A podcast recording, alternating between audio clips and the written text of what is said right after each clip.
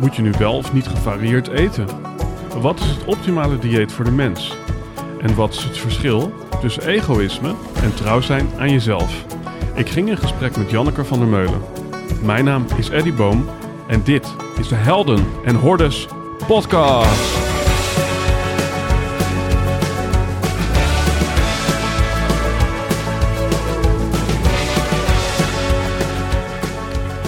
Yes, nu dit moment van opname is het bijna zover. Mijn online cursus Buitengewoon Binnenkomen gaat online.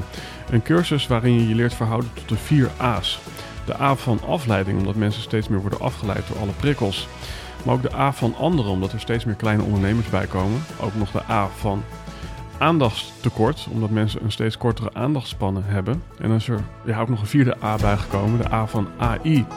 En hoe verhoud je daar naartoe? Hoe kom je dan nog buitengewoon binnen bij je ideale klant? Hoe zorg je nou voor dat je nooit meer een ideale klant misloopt? Ga even naar de show notes om op de wachtlijst te komen voor de online training. En als de training al draait, dan vind je via diezelfde link de training. En dan ga ik nu uiteraard naar Janneke van der Meulen. ik heb hier eerder in de podcast gezeten met Ralf Moorman, met Richard Telet. En nu Janneke van der Meulen, allemaal met hun visie op voeding.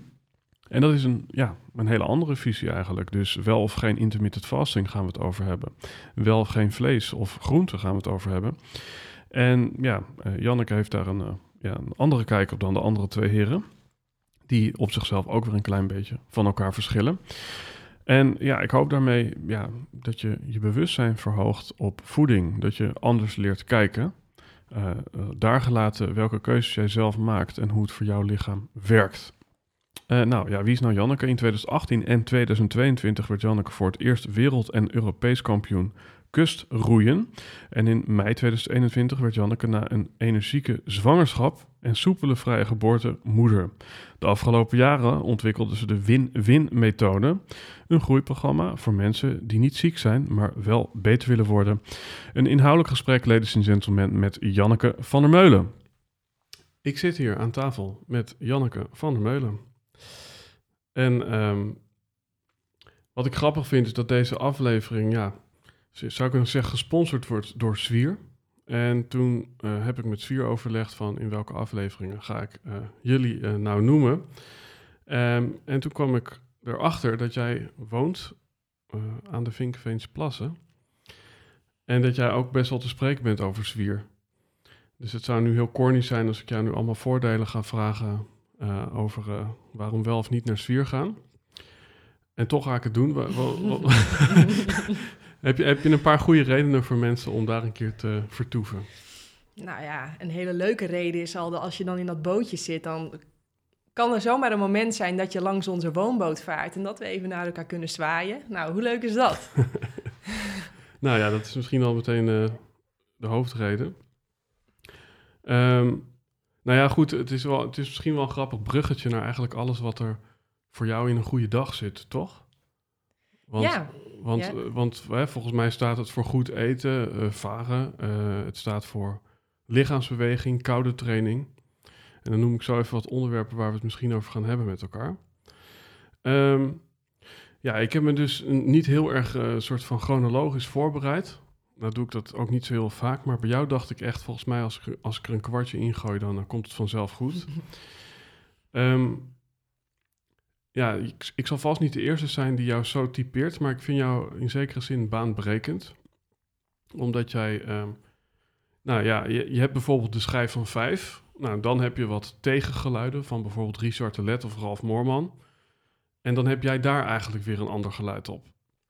Um, nou, uh, dan zijn er wat geluiden over intermittent fasting. En dan zeg jij, nou, volgens mij moet je gewoon uh, ontbijten en uh, het liefst heel veel. En zo zijn er ja, allerlei thematieken die misschien controversieel bijna zijn. Um, en hoe geloofwaardig ze ook klinken, ook bij kunnen dragen aan de toch al enorme verwarring die er heerst over wat is nou een goed leven. Mm -hmm. Dus ik vind het mooi om het daarover te hebben. Ja. Ik denk dat ik mezelf af en toe even als uitgangspunt neem. Ja, heel goed. Omdat voeding voor mij ook best wel een kut ding is. Ik vind goed eten moeilijk. En dan heb ik ook last van hypochondrie en hypoglycemie. En dat zorgt ervoor dat je eigenlijk een, uh, een vreemde relatie kan hebben met voedsel. Um, ja, first and foremost is het misschien uh, ja, misschien goed om te vertellen wat, uh, wat, wat, wat jouw principes zijn. En dan bedoel ik de principes van win, winnen zonder te verliezen. Mm Ja, nou sowieso dankjewel voor deze intro. En heel gaaf dat ik hier mag aanschuiven. Um, ja, nou win-win. Ik zeg altijd, ik ben de bedenker van de win-win methode. En dat is voor winnaars zonder verliezers. En um, als je, als je naar alle spirituele leren of alle religies kijkt, dan is dat ook altijd het uitgangspunt. Dat uh, hè, wat je zelf niet leuk vindt, doe dat ook niet bij een ander. Mhm. En, en ja, ik trek dat eigenlijk in alles door. Dus ik probeer altijd uh, er een mooie dag van te maken en tegelijkertijd goed te doen. Voor mezelf, maar ook voor de ander. In eerste plaats wel voor mezelf. Dat klinkt heel egoïstisch, maar als je wil, kan ik dat straks helemaal uitleggen uh, waarom ik denk dat dat super sociaal is. En die win-win-methode, ja, die stoelt zich eigenlijk op drie uh, principes. En dat eerste is dus dat eenheidsbewustzijn. En dat gaat erover dat, ja, we denken dat we, hè, jij denkt dat je een andere moeder hebt dan dat ik heb. Maar Mhm. eigenlijk hebben we dezelfde moeder, namelijk moeder aarde. En die delen we met z'n allen.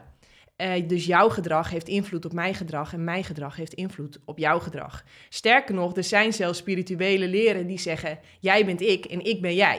Ja, dus dat is het eerste principe wat ik altijd in mijn achterhoofd probeer te houden.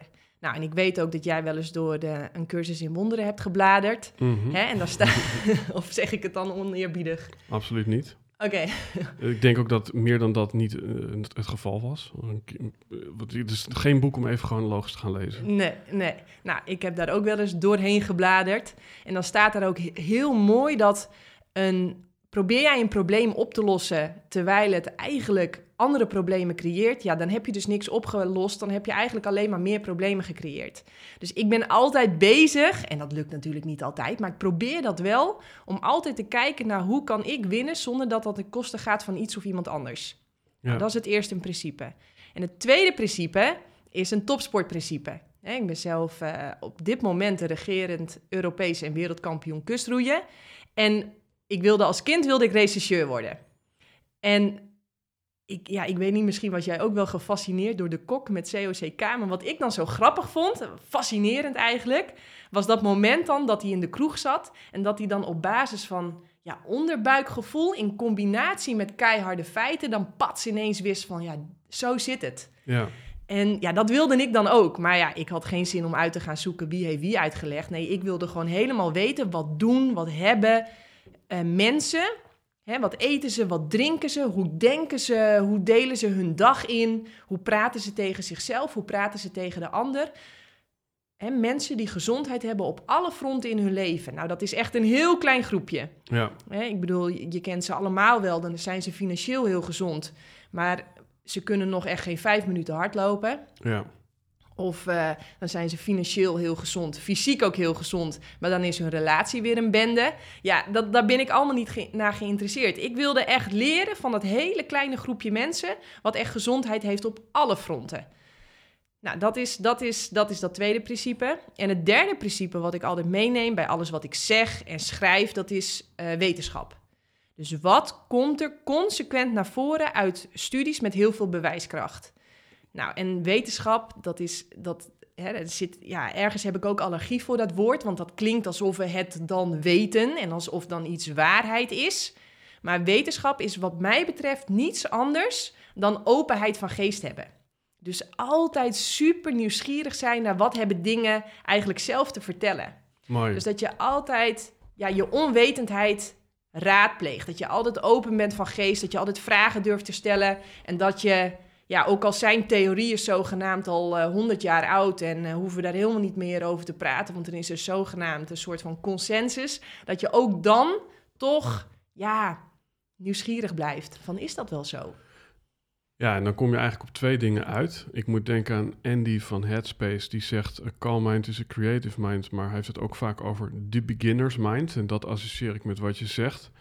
En ja, een ander gezegde is: eh, The more I know, the more I know I don't know anything. Ja, heel mooi. Ehm, maar dat, ja, dat klinkt dus wel een beetje alsof meer wetenschap er alleen maar toe leidt dat we minder weten wat we moeten doen. Ja, nou, heel mooi. Dankjewel voor het bruggetje. Want ik werd ook helemaal scheidziek. sorry dat mag voor dit taalgebruik. Mag allemaal. ik zou het eh, er willen. Ik zou willen dat ik dat wat netter zou kunnen zeggen, maar het komt er, kwam er gewoon wel op neer dat ik echt scheidsziek werd van al die tegenstrijdige berichten over gezonde voeding. Ja, Je wordt er toch helemaal lijp van dat je gewoon niet eens even normaal weet wat nou gezond is voor je lichaam. ja, Dat is toch irritant? Dus ehm, terwijl ik had wel de ambitie om ja, niet gewoon maar een beetje gezond te zijn, maar mezelf ook echt te kunnen vergelijken met de wereldtop. Dus ja, ik ben, ik dacht, nou, ik heb twee studies afgerond. Ik heb finance gestudeerd en eh, HRM. Ik dacht, nou, laat ik dan toch nog wat nuttigs met die studies doen. Want het allerbelangrijkste wat ik van die twee studies heb geleerd, is hoe je de bewijskracht van verschillende onderzoeksmethoden beoordeelt. En ja, dan zie je dat we een piramide van bewijskracht hebben en dat eigenlijk alleen echt een paar procent van de onderzoeken interessant zijn om ja, resultaten uit te halen. ja, en volgens mij hanteer jij een soort peer review eh, principe. Dus dat is volgens mij, ja, misschien kan jij het mooier verwoorden dan ik. Dus wat is dat? Nou, ik heb gekeken naar wat komt er consequent al 100 jaar lang uit de meta-analyses en reviews, uit de peer-reviewed magazines, als het optimale dieet voor de mens. Want als ik als topsporter één ding heb geleerd, wat moet je doen als dingen complex worden? Wat moet je doen als constant iedereen iets anders zegt en als je soms in hetzelfde boek op dezelfde bladzijde eigenlijk conflicterende adviezen tegenkomt? Ja, dat is terug naar de basis. Die basis, die moet je snappen, die moet je begrijpen, die moet je... Hè, je, kunt, je kunt ook geen flatgebouw bouwen als er geen basis ligt. Dus ik zie dat we tegenwoordig heel veel tijd verspillen aan discussiëren en, en lullen eigenlijk over voedingsstoffen en details. Terwijl, ja, details zijn zinloos als de basis niet staat. Dus wat Ja. heb ik heel erg gedaan? Ik heb, ben heel erg op zoek gegaan naar wat is nou die basis? Ja, En een hele belangrijke vraag, en die stel je je wel als je een hondje koopt, of een cavia koopt, of een goudvis koopt. Eh, dan is een hele belangrijke vraag van, ja, wat voor diersoort is dat eigenlijk? En wat heeft dat dier nodig? mhm. En dat doen we wel bij de cavia en bij de rashond en bij het paard en bij de goudvis. Maar ja, bij onszelf doen we dat eigenlijk niet. ja, dus je hebt wel eens gezegd, een tijger en artis geef je ook geen boterham met pindakaas. Nee, precies. Ook al haal je die tijger uit zijn natuurlijke habitat en zet je dat in Artis neer, je probeert wel zo goed mogelijk vast te houden aan het dieet waar die, waar die tijger anatomisch voor is ontworpen. Ja, En ik denk dat het eigenlijk hetzelfde is eh, met wij als mens. Dat, dat het voor ons ook belangrijk is. Dat we gaan kijken van oké, we wonen hier wel in Nederland. Hè, de afsluitdijk houdt ons droog. eh, de muren en het dak houden ons warm. De winterjas zorgt dat we niet te veel afkoelen. Maar ondanks dat we hier proberen te overleven, is het denk ik wel heel belangrijk om te kijken van hoe kun je het ondanks alles toch zo goed mogelijk vast proberen te houden aan je, aan je dieet waar jij ben, voor bent ontworpen. ja want wij zijn eh, van origine allemaal eh, evenaar, eh, ja, op de evenaar geboren. Of hebben daar ons leven een beetje geleefd. En daar zijn we iets van afgeweken. Ja. Ehm, Dat is het verhaal, hè? Kijk, ik was daar niet bij, nee, maar dat is het verhaal waar we in moeten geloven. En ik zie daar ergens wel dat ik denk, ja, ja, het, eh, als je kijkt naar onze handen, onze tanden, de enzymen in onze mond, de zuren in onze maag en de lengte en de structuur van onze darmen, onze ogen, dan zie ik wel dat wij helemaal ontworpen zijn voor het spotten, plukken, eten en verteren van fruit. Ja, Dat wij echte fruiteters zijn. En als je dan inderdaad teruggaat naar de Evenaar, daar is dat ook 24/7 in overvloed bereikbaar. ja, We hadden het, dat eerste principe, we hadden het over die win-win. Nou, en, en, en fruit, dat biedt zichzelf echt vrijwillig en in overvloed aan. Dat zegt echt, eet mij, eet mij, Ja. eet mij. Ik heb, het, ik heb het de mooiste kleurtjes gegeven, ja, de lekkerste het- het- smaken. Het valt letterlijk eh, voor je neus, zo'n appel. Ja, ja, en dat vind ik zo gaaf. Want die fruitboom die geeft echt vanuit overvloed. En ik, ik, ik weet zeker, iedereen die nu luistert, die heeft dat ook in zijn eigen leven ervaren. Als iets jou aangeboden wordt, hulp of een cadeau of wat dan ook, vanuit overvloed, dan is dat ook echt lekker ontvangen. Ja. Terwijl iemand jou iets geeft, terwijl die eigenlijk of een dubbele agenda heeft, of het eigenlijk helemaal niet kan geven, dan begint het, oh, dat ho- het hoeft niet hoor, je hoeft het niet. eh, En dan begint al de ellende eigenlijk. Ja, Snap je wat ik bedoel? absoluut. Je zei net eh, de luisteraar. Eh, de kijker, eh brandt haar een rood lampje? ik vraag het maar Nee, even. geen rood lampje. Nee, Oh, wel. wel denk ik. Waar? Linksonder, ja, het is bijna niet te zien. Praat jij gewoon lekker verder. Eh, is een hele dynamische podcast. Hij doet het gewoon. Oh, super. Ehm, Jij was eventjes... nou, eh, kijk, eh, nu we hier toch eh, zo helemaal in ons habitat zitten, ga ik ook gewoon zo verder. Ja. Ehm, ja, dus dan hebben we het fruit wat zich ja, bijna als vanzelf aandient. Ja, Hè, ik ging daar zelf ook een beetje over filosoferen en toen dacht ik bij mezelf, ja, ehm, er is ja, waarschijnlijk altijd wel ergens een appel of een perenboom in de buurt geweest, maar waarschijnlijk als je een vis nodig had, dan vond je het niet op het land. En als je een eh, rendier nodig had, dan moest je rennen. Dus ja, het, het, in die zin kan ik je helemaal volgen. maar nu komt er maar. Nou ja, de, de maar is een beetje dat, dat, dat, ja, hoe noemen ze dat? Dus misschien een stukje cognitieve dissonantie of selectieve perceptie. Dat, Ja. Kijk, als, als Richard de Let mij een verhaal vertelt van, ja, we leefden inderdaad bij die Evenaar en daar leefden we aan de kust. En als je kijkt naar de blue zones op de wereld, dan zaten we ook vaak dicht bij het water. En dan staken we een stok in, eh, in het kabbelende meer en dan hadden we een vis. En eh, bovendien, het zit helemaal vol. Dus, dus Heb je wel eens naar Expeditie Robinson gekeken? eh, wil je een eerlijk antwoord? Nee. Oh, je hebt nog, nog nooit ik kijk gekeken? niet zoveel tv. Oké, ja, Dus ik kijk ook weinig goed, televisie, ja. maar Expeditie Robinson wel. En wat ik dan altijd fascinerend vind, is dat ze soms dagen zitten te vissen voor een visje zo groot als een flippo. Dan denk ik, nou, grote stoere kerel als je daar eh, Ja. je gezin mee wil voeden. Dus nee, ja, ik denk dat vis en, en de spieren die wij van die vis opeten, die zijn, dat zijn voortbewegingsorganen. Dat zijn geen voedingsstoffen. En wat ik ook heel fascinerend vind, als wij onze cellen gaan bestuderen, dan blijkt dat er een paar dingen echt cruciaal zijn voor het optimaal functioneren van die cel. En één heel belangrijk ding is vitamine C. Nou, vitamine C vind je alleen in fruit en rauwe planten. En heel soms nog een beetje in gekookte planten. En eh, verder vind je die niet. Nee. Nergens. Dus vitamine C, hè, dus iedere cel van ons lichaam is voor optimaal functioneren afhankelijk van vitamine C. Ja. Je vindt het alleen in fruit en planten. En nu komt het allerbelangrijkste, wat ik echt mind-blowing vond. Ons lichaam kan vitamine C niet zelf metaboliseren. Dus wij kunnen dat niet zelf aanmaken. Wij zijn afhankelijk van een externe bron. ja. Ja, dan vind ik het al gek dat, dat, dat ons eh, natuurlijke dieet dan kwark of vis of vlees of orgaanvlees of iets in die trant zou zijn. ja. Dat is gek. Want een echte vleeseter, een carnivoor, die kan wel zelf vitamine Maar in C Sapiens, eh, dat boek ken je natuurlijk ook. Ja, Daar tuurlijk. staat volgens mij ook dat wij resteters zijn. Dus eh, een, een, een tijger heeft bij wijze van spreken een, een, een lammetje aangevallen en die laat wat liggen en dat voor ons. En rest eten, ja, dat insinueert dat er dus ook best wel wat vlees en vis tussen mag zitten. Of is dat verhaal ook niet helemaal kloppend? Nou, eh, één, het is geen win-win.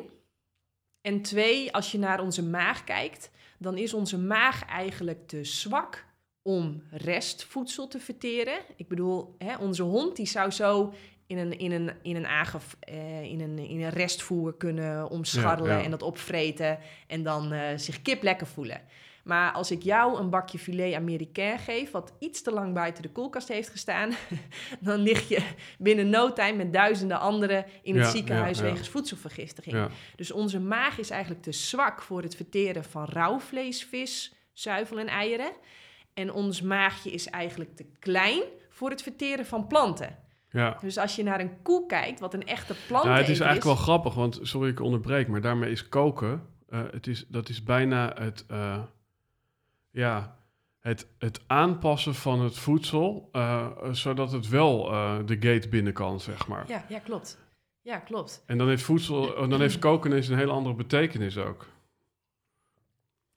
Nou ja, en sterker nog, ik denk dat koken misschien wel een van de meest milieuvervuilende activiteiten is, waar we met z'n allen gewoon zonder dat we doorhebben aan meedoen. Ehm, maar dat terzijde, eh wat er namelijk een nadeel is van, kijk, rauw is vlees en vis en zuivel en eieren is, is te lastig. Ons maagzuur is daar niet zuur genoeg voor. Maar ga je het koken en verhitten en bakken en braden, dan ontstaan er ook allemaal weer stoffen met moeilijke namen. Daar ga ik in mijn boeken uitgebreid op in, hè, want je bent natuurlijk Mm. niet de eerste die dit zegt. Ehm, die ook heel lastig zijn voor ons lichaam. Dus ehm, Ja, ik vond het gewoon een ongelooflijke gave ontdekking. Dat ik, uh, hè, ik, had, ik had zelf ook allemaal uh, issues. Ik had een slechte huid, ik had slechte darmen. Ik was na iedere maaltijd eigenlijk moe, terwijl ik honderdduizend dingen wilde. Mm -hmm. Dat is Mhm. belangrijk. Energie is uiteindelijk altijd wat het verschil maakt. Ja. Hè, dus ik kon zulke goede ideeën hebben. Ik kon allemaal plannen hebben. Ik kon ambities hebben. Ik kon de beste coaches hebben. Eigenlijk alles in mijn leven kon perfect zijn. Maar als ik niet de energie heb om daar wat mee te doen, ja, dan is het gewoon het recept voor frustratie. Ja. Dus energie is wat het verschil maakt. Dus ik ging al heel snel kijken van wat zijn maaltijden die mij energie kosten en wat zijn maaltijden die mij energie geven. Ja. Ja, en toen ontdekte ik dat als je gaat eten in overeenstemming met je anatomie, ja, dan, man, wat... Nou goed, kijk, dat, dat, dat, dat vraagt ook een stukje eh, beter leren luisteren naar je lichaam. Kijk, voor mij was het op een gegeven moment wel dat als ik inderdaad een bak friet op had, dan had ik daarna zoiets alsof ik eh, moest gaan bevallen of zo. dus ehm, ja, dus, dus daar, daar, daar, daar kon ik wel heel duidelijk aan merken, hey, die after dinner dips, die, die zijn er soms wel en soms niet. Ja. Dat is een mooi startpunt. Ja, ja en, en tegelijkertijd, ehm, ik hoor jou zeggen, je geeft een eh, tijger geen boterham met pindakaas. Dus zullen we alsjeblieft eten wat bij onze blauwdruk past. Ehm, maar dan ga ik toch een paar nuances ingooien om te kijken of je blijft staan. Ehm, een van die nuances is, ja, als wij ooit van de Evenaar vandaan kwamen en dus we moeten kijken welk voedsel daar gegeten werd en dat we misschien eigenlijk heel veel zon hadden en heel erg in het licht liepen en af en toe een framboosje of een, eh, of een blauwe bes pakte of zo, dan denk ik, als ik gewoon puur naar mijn eigen systeem kijk, en hier komt ook een stukje de hypochonder in mij, ik ben iemand die nogal snel verbrandt door de zon. Hè? Dus ik heb zelfs een keer een melanoom laten weghalen en dat was toen eigenlijk goed aardig, maar het was wel heel veel gedoe. Ehm, dus ik moet heel erg uitkijken voor de zon. Dus ik denk, nou, probably kom ik niet uit Zuid-Spanje hè, van origine, maar ben ik gewoon een een of andere Ariër. Eh, het, twe- het tweede is dat als Wil, ik... wil je dat ik daarop reageer, op hoe Ja, ik hier naar Kom, kijk? maar, kom erop. Oké, want ehm, een huid die supergoed gehydrateerd en gemineraliseerd is, die verbrandt niet. Ik smeer dus ook al, eh, nou ja, ik denk 20 jaar. Ja, inderdaad, op mijn 15e ben ik daarmee gestopt. 21 jaar. Geen zonnebrandcrème meer. Ehm, omdat als jouw, eh, eh, alles wat je eet, wordt eerst gebruikt voor je vitale organen. Ja, Dus ehm, eerst gaat alles naar je hart en je lever. En als er dan nog wat over is, dan gaat dat naar je handen, je voeten mhm. en eh, je huid. Het laatste. Het werkt eigenlijk naar buiten toe.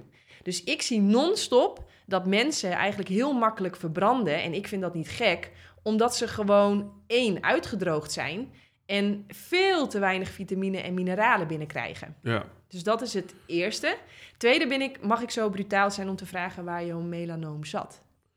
Eh, ja, op mijn bovenbeen. Op je bovenbeen. Ja, En is dat een, inderdaad een plek... Want heel veel melanomen eh, zitten in de handpalmen, onder de voetzolen... en op plekken waar de zon niet komt. Ah, dat vind ik heel interessant. Nou, in die, in die zin is het eh, interessant dat ja, een ontbloot bovenbeen, dat komt natuurlijk niet heel vaak voor. Nee, dat is toch interessant? Hoewel, ik ben, als je dan een keer aan de zon wordt blootgesteld, dan krijg je natuurlijk wel een enorme Ja. eh, exposure. Ja, ja, dus ik ben ook echt gezondheid. Ik denk, het zit niet voor niks in het woord verstopt. Eh, maar ik ben echt groot voorstander van zoveel en zo vaak mogelijk en zo bloot mogelijk, helemaal als man, ook met je, eh, met je geslachtsorganen, zo bloot mogelijk in de zon. En Ja. Helemaal als een man dat doet, dan piekt zijn testosteron echt door het dak heen. Nou, en hoe hoger als man je testosteron is, hoe beter ongeveer voor alles. Ja, Eh, maar ik ben dus echt heel groot voorstander van eh, veel vaak eh, bloot in de zon. Maar laat je niet verbranden, inderdaad. En daar heb je inderdaad wel een beetje zelfkennis, zelfbeheersing Ja, want- en, want en dat- voelen voor precies. nodig. Want dat wou ik zeggen, van ik kan ook hierin wel aardig meekomen met je verhaal. Maar er is dus ook een component.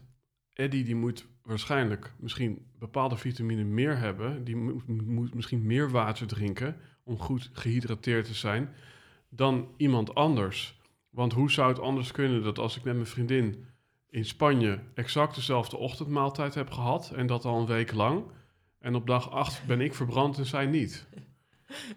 Ja, nou, Stel dat ik komt omdat we allemaal... Nee, nee, nee. Dat heeft te maken dat, dat we allemaal verschillende typen huidtype hebben. Ja, En eh, ja, jij behoort waarschijnlijk tot de categorie eh, snel verbranden. ja, Dus eh, jij hoeft ook gelukkig, want dat is een aanpassing van ons lichaam. Hoe bleker je wordt, hoe, hoe makkelijker en hoe sneller je zonlicht om kunt zetten in vitamine D. Dus het is al een aanpassing van jouw lichaam, dat jij zelfs als jij in een, in een gebied gaat wonen waar het schraal is aan zonlicht, dat als die dan even schijnt, dan ben jij in staat om heel snel vitamine D aan te maken. ja, Dus het is, je bent perfect aangepast. ja. Grappig. Ja, Het tweede punt was, hè, als je het hebt over die tijger met die boterham met pindakaas. Ja, nee, ik vind dat een hele mooie metafoor. Ik hou van beeldspraak. Ja, ik zeg wel eens hetzelfde van denk aan je goudvis. Kijk, voor ons is het echt ultiem om een lekkere, zoete, sappige mango te eten. Ja, Maar gooi je die in de, in, geef je die aan een goudvis, dan is het pure stress voor hem. En Ja. zo moet je het eigenlijk ook zien als jij junkfood gaat eten, of vis, of vlees, of orgaanvlees. Dat is gewoon stressvol voor je lichaam. ja. En Je toch, tweede punt. Nou ja, kijk. Dus, dus ik snap van, oké, we moeten dus kijken naar ons eh, ja, ontwerp om daarop te gaan eh, eten. En tegelijkertijd zijn er dus ook een heleboel subontwerpen. Hè? Dus ik heb weer een andere huid dan jij. En nu is er natuurlijk, denk ik, een fine line tussen enerzijds eh, je, je gevoel volgen en, en, en anderzijds je intuïtie. Ja, Want mijn dat is gevoel, hetzelfde een beetje. mijn gevoel die is, nou ja, Gevoel, ik bedoel, intuïtie. nou, ik, je ratio. misschien moet ik dan twee andere woorden naast elkaar zetten. ja. Maar eh, als ik puur ja, eh, niet mijn verantwoordelijkheidsgevoel en mijn volwassenheid uitzet, dan maak je mij heel erg blij met een patatje pinda en een, co- een cola zero ernaast. Weet je wel? Dus, dus als het puur gaat om luisteren naar je lijf, ja, dan zou ik hier waarschijnlijk als een soort tientonner zitten. Weet je wel? Dus, dus als ik dan moet kiezen tussen een zak chips of een avocado, ja, dan, dan roept die zak chips toch iets harder. ja? Nou ja, op dit moment wel, denk ik. Ja, korte termijn fijn, maar lange termijn pijn. En dat weet Ja. jij ook. Ja. Je weet dat het, dat het een lege huls is, die zak chips. Ja, je Dus- weet het inderdaad. Maar, ja, maar, maar, maar, je, maar je voelt het ook. Ik zeg altijd playing it forward. Je weet toch ook dat je, je, je mond doet daarna pijn. Je pens doet daarna pijn. Poepen lukt daarna niet meer. Je hebt geen energie. Je hebt geen zin meer om dingen te ondernemen. En dat, dat, dat, dat, ja... maar wat... Hè, want kijk, ik denk dat... Je kunt volgens mij ook je smaak aardig verknippen. Ik bedoel, iemand die heel veel suiker eet... die vindt snoep lekker. Maar iemand die het nooit eet, vindt het vreselijk zoet. Dus wat zou je adviseren aan mensen die eigenlijk... zo vervreemd zijn geraakt van dat wat het lichaam werkelijk vraagt? Nou, eigenlijk adviseer ik eigenlijk helemaal nooit. Ik bedoel, ja, wat maakt, ook op, ja. wat maakt mij het nou uit wat, wat een ander doet? Ik bedoel, Nee, maar stel nou dat iemand eh er vanaf wil dat hij die cravings heeft naar, naar bijvoorbeeld een burger in plaats van een avocado of een appel. Oké, oké. Dus die persoon is echt willing, die zegt, die, die, die heeft echt de ambitie om gezonder te gaan eten. Precies, dus, ja. dus het hoofd zegt, ik weet wel dat ik beter een, eh, een avocado eh, kan nemen dan een hamburger. En toch zegt mijn hele lijf, geef mij een hamburger. Ja. Nou, wat doe je dan? ja. Nou, ik denk dat we hem even, want dat zei al in de intro. Ik ben dus heel erg, eh, ja, tegen intermittent fasting, om het maar zo te zeggen. Ja. Ik denk dat het domste wat je kunt doen, eh, is, is het overslaan van je ontbijt. Je moet je voorstellen, je hebt de hele nacht, acht, negen, misschien wel tien uren lang niets gegeten, niets gedronken. Mhm. En ehm, de zon komt op. Nou, dan ben jij hormonaal helemaal ingesteld. Dus je spieren zijn dan ook erop ingesteld dat ze verwachten vocht en suiker. Nou, en wat is nu tegenwoordig helemaal de trend? Om dan zeg maar een soort van op wilskracht tot Ja. 12, 1 uur niks te eten. Nou, dat is ongelooflijk stressvol voor je lichaam. Ja. Dat is dus daarom ook direct de reden waarom je je best wel alert en gefocust voelt. Want je cortisol Ja, ja, ja. en je adrenaline, die pompen gewoon keihard die, die hormonen in je systeem, zodat je je koppen bijhoudt en dat je ja, in de hoop nog een bananenboom tegenkomt waar je dan nog in kunt klimmen. Ehm, maar je lichaam is er dus dan op ingesteld om voeding te ontvangen. En het liefst heel veel fruit, of in mijn geval een groene smoothie bijvoorbeeld. Mhm. Of heel veel sinaasappelsap. Hè? Daar ben ik ook enorm fan van. Ehm, Maar goed, waarschijnlijk heb je een beetje Dr. Google gevraagd. eh, ja, shit, wat moet ik nu doen? Dus je bent waarschijnlijk intermittent fasting gaan doen. Je bent waarschijnlijk heel veel fruit gaan skippen. Want ja, fruit is suiker. En dan krijg je acute leververvetting. En weet ik wel allemaal wat voor onzin van. Ja. En ja, en dat is, dat is, ja, dan sta je wel echt al met 10-0 achter. Want dan doe je de, het natuurlijke aspect van je lichaam, doe je geweld aan. En, en ja, dat ga je gewoon verliezen. Dus als ik die persoon advies zou mogen geven, dan zou ik zeggen: als je wakker wordt, waar heb je dan zin in om te gaan eten en drinken? En ga dat ook lekker doen. Dus ga lekker eten waar jij zin in hebt. En Ja. alle mensen waar ik een fruitontbijt voor maak, die nemen dat en die zeggen dan: Wow, dit is lekker. Ja. Het is dat zoete, het is dat sappige. Dat is precies waar je zin in hebt als je opstaat. Ja. En dan merk je dat je meer energie gaat krijgen. Eh, je gaat er ook absoluut niet dik van worden, want je lichaam is erop ingesteld om al die energie naar je spieren te sturen. Je gaat energie krijgen, je gaat zin krijgen om te bewegen. Eh, en hop, dan zet je jezelf Ah, kijk, in een positieve op, spiraal. op, opnieuw kan ik je volgen. En, en toch zitten er... nou, nee, kijk, het, het is ook niet dat ik, eh, dat ik een soort van discussie wil winnen. Helemaal niet. Ik, ik wil heel graag dat je gelijk hebt. Ehm, alleen, als ik gewoon puur primair kijk naar eh, hoe werkt het voor mij... Dan, ehm, dan heb ik vanochtend bijvoorbeeld wel een eitje gekookt. En dan denk ik eh, dat er heel veel mensen graag zoet willen ontbijten. Maar als je mij een hand blauwe bessen geeft versus een gekookt eitje met een klein beetje zout erop, dan vind ik dat eitje toch echt een veel grotere tractatie dan die hand met blauwe bessen. Ja. Dus ik, ik ben heel erg van het hartig. Hè? Dus het, het hartig spreekt mij heel erg aan. Ja. Dus, dus is dat dat ik, eh, dat ik een beetje van mijn blauwdruk ben komen te eh, gaan staan, of wat is dat? Nou, nou, zullen we daar gewoon over filosoferen? Want ik weet Mhm. natuurlijk niet precies wat dat is. Hè, dat vind ik tegenwoordig ook echt een ongelofelijke ziekte. We willen alles diagnosticeren. Ja, ja. Alles moet in een hokje en we moeten helemaal snappen en begrijpen en kunnen verklaren. Terwijl ik denk dat je kwaliteit van leven enorm gaat toenemen als je eigenlijk kunt ontspannen in het niet weten. ja, mooi. We weten het niet. Ons lichaam zal er ongetwijfeld een hele goede reden voor hebben. Mhm. En ons lichaam is er altijd om je te helpen, nooit om je te pesten. En het is eigenlijk als bewoner van ons, hè, is het Ja. een taak om te kijken hoe kunnen we dienen? Hoe kunnen Ja. we helpen? Hoe kunnen we bijdragen? Ja, Hoe kunnen we ja, eh, echt lekkere maten en vriendjes worden met ons lichaam, zodat we samen een team zijn en mooie dingen kunnen bereiken? En dan is het denk ik belangrijk om je te realiseren dat je niet alleen eet om fysieke redenen, maar we hebben eten inmiddels gebruiken we ook als genotsmiddel. ja. Dus eten zijn we gebruik, gaan gebruiken om plezier te intensiveren en pijn te onderdrukken. Mhm. En eten is ongelooflijk krachtig. Daar zit van alles aan gekoppeld. Dus ik kan me zomaar voorstellen dat een eitje bakken, dat dat vroeger bij jullie thuis in de familie, dat was iets speciaals. Ja. Dat deed je op zondagochtend. En dan, ging, dan stond er een mooie dag te wachten. Mhm. En dan hoefde je niet naar die klote juf en die klote meester en doen, allemaal dingen doen waar je geen zin in had. Nee, je ging op avontuur en je Ja, ging even ja. je echt doen wat je zelf wilde. Dus het kan zomaar zijn dat dat eitje daar voor jou aan gekoppeld zit. Van we gaan eens even lekker een eitje bakken en we gaan Ja. er eens een hele mooie dag van maken. Dat kan zomaar zijn. Er zijn ook heel vaak mensen die zeggen: Oh, dan, nou ja, weet je, zon, eh, zondagmiddag. Het is gewoon voor mij patat, chips, bier.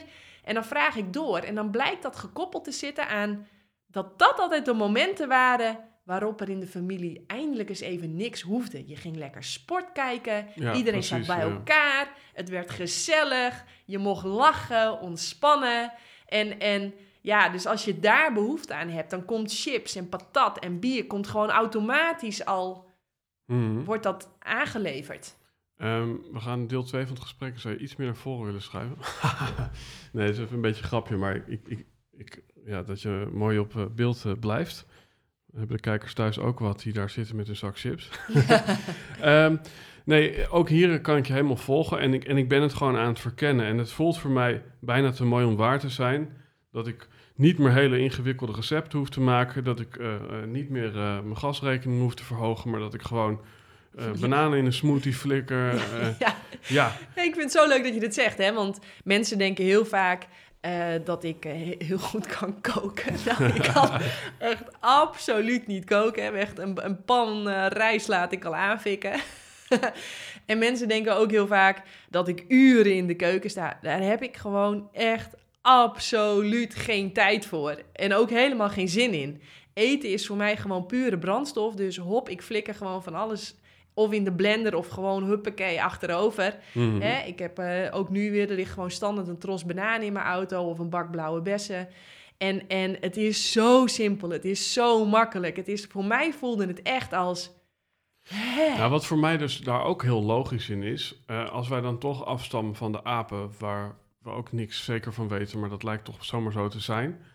Ja, eh, die, eh, die zitten daar bij een bananenboom en die schillen de een na de ander. Dus zo'n maaltijd is in die zin ook heel solistisch. Er zit helemaal geen variatie in. Nee, dat hoeft ook niet.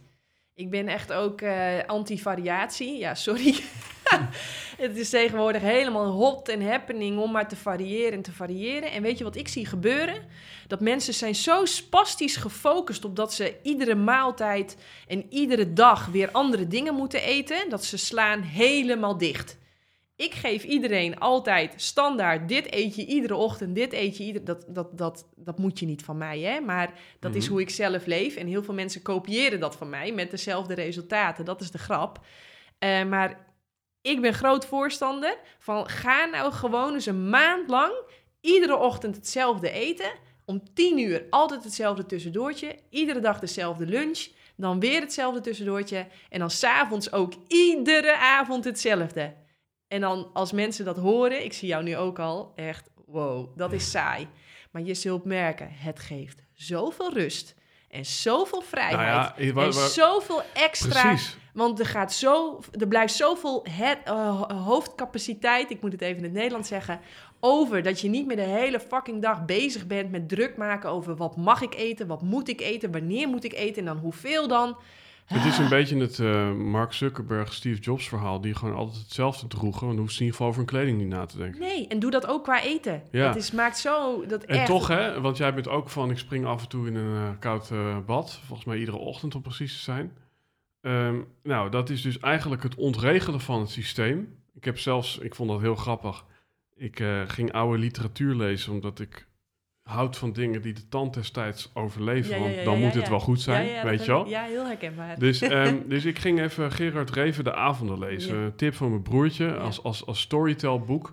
Ja, als je een beetje een romanticus bent, echt een aanrader. Want het wordt door hem zelf in 1991 voorgelezen met een doorrookte stem. Ja, ik snap dat we het daar nu niet over hebben. Maar, maar daar zit een soort van, ja, een soort van magie in, weet je. Alsof je soort van even in een soort tijdmachine stapt. Ja.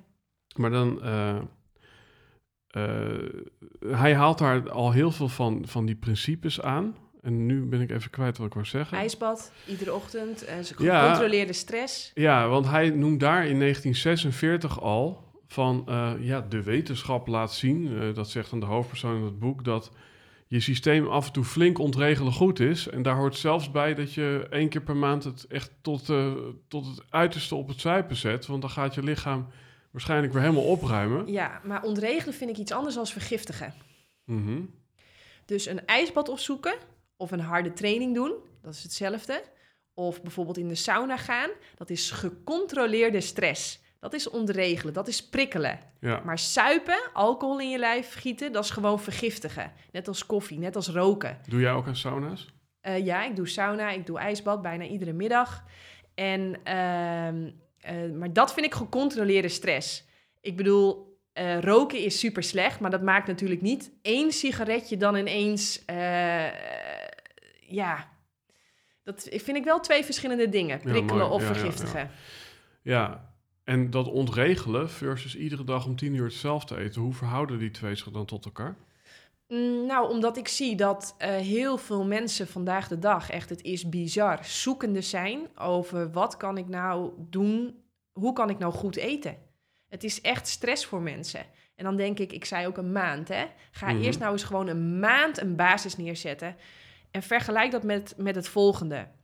Een voetbalveld, een, een, een, een voetbalwedstrijd, kan alleen maar plaatsvinden als we de doelen op dezelfde plek zetten en de lijnen ook iedere keer op dezelfde plek neerzetten. Dan kan er spel ontstaan. Ja, Maar als die doelen de hele tijd ergens anders staan, weet je ook niet meer waar je op moet schieten. Echt, we raken compleet de kluts kwijt. Ja. Dus ik zou zeggen, zet nou eerst een kader neer. Zet die doelen op de vaste plek. zet Geef die mij lijnen. kaders en ik ben vrij, zijn filosoof Nou. Ja, ja, mooi. Dankjewel. Ja, ehm, we, we, we schakelen lekker snel. Kijk, ehm, ehm, ja, je zou eigenlijk kunnen zeggen van... eh, ik, ik neem nu toch steeds, merk ik, een soort aap als een soort van voorbeeld. Van oké, die eet ook veel fruit, sinaasappels, bananen. Maar ook pinda's. Hè? Dus dat is geen noot, maar het zit wel in de categorie. Hoe verhoud je je tot dat soort dingen? Tot wat voor dingen? Eh, nou, eh, noten en vruchten. Oké, nou ik heb een, ik heb een eh, hè, als topsporter ben ik ook naar de supermarkt gegaan en heb ik alle spulletjes die in de supermarkt liggen, die heb ik een wedstrijdje met elkaar laten doen. En ik zeg wel eens oneerbiedig, misschien ken je, ken je hem nog, Jan Blokhuizen. Ja, Weet je nog wie dat was? Nee, maar de naam doet dagen. Oké, dat is een hele goede schaatser en die Oh, ja. schaatste in de tijd van Sven Kramer. Ja. Ja, dat was echt een goede scha- schaatser. Mhm. Maar ja, iedere keer net niet, hè? Sven Kramer, als ik die naam Ja, zeg, ja, die ken je. Nou, en zo ben ik eigenlijk ook naar de supermarkt gegaan. Ik was niet op zoek naar goede schaatsers. Nee, ik was op zoek naar producten die consequent naar voren komen als optimaal voor het lichaam.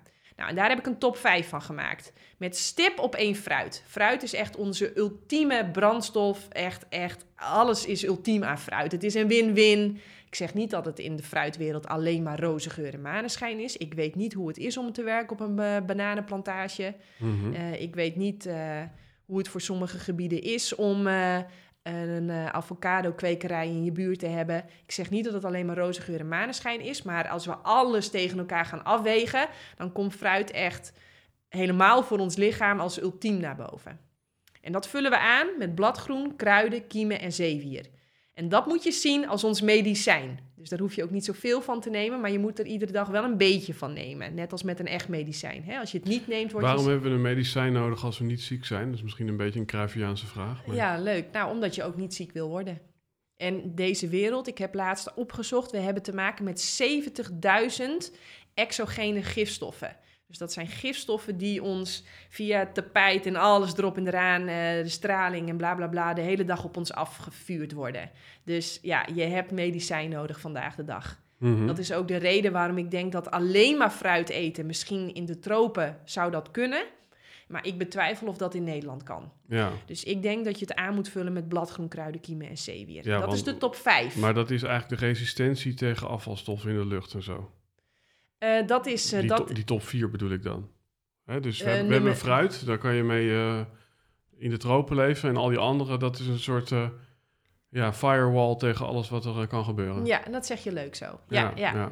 En dat is, dat is echt de basis. Waar je ook bent, hè, of ik nou naar Hongkong toe vlieg voor een wedstrijd... of ik ben in Canada of, of, of in Duitsland, maakt niet uit. Waar ik ook ter wereld ben, dat is mijn basis. Dat eet ik altijd, eh, iedere dag, waar ik ook ben, eh, maakt niet uit. Dat is de, dat is de ultieme basis. Eh, met een beetje zonlicht en een beetje B12 zou ik ook nooit eigenlijk meer iets anders hoeven. Mhm. Dat is de basis. En die basis, die vul ik weer aan met overige planten. Noten, zaden, pitten, peulvruchten, hè, eh, bonen, linzen, erwten, ehm, aardappelen, zoete aardappelen, gewone aardappelen, hè, knolgewassen noem je dat, eh, met broccoli en bloemkool en eh, paddenstoelen en algen en allemaal dat soort dingen. Daar Ja. vul ik de rest weer mee aan. En waar ik echt bij wegblijf, omdat ik denk dat dat de grootste fabels zijn van eh, de 21ste eeuw. En wat, waarvan ik ook echt denk dat het de geschiedenisboeken ingaat als crimineel advies. Eh, dat is eh, met stip op één vis, vlees, zuivel, eieren, rode wijn en olijfolie. Ik denk dat dat echt, daar heeft de marketingmachine goed zijn best gedaan. Met succes. Iedereen gelooft wel in die fabeltjes. Maar is dat een beetje net zoals Joris Driepinter met de melkoverproductie uit de jaren 50? Nou, ik moet je eerlijk zeggen dat ik lang heb gedacht dat ik die machten en die krachten die daar speelden snapte.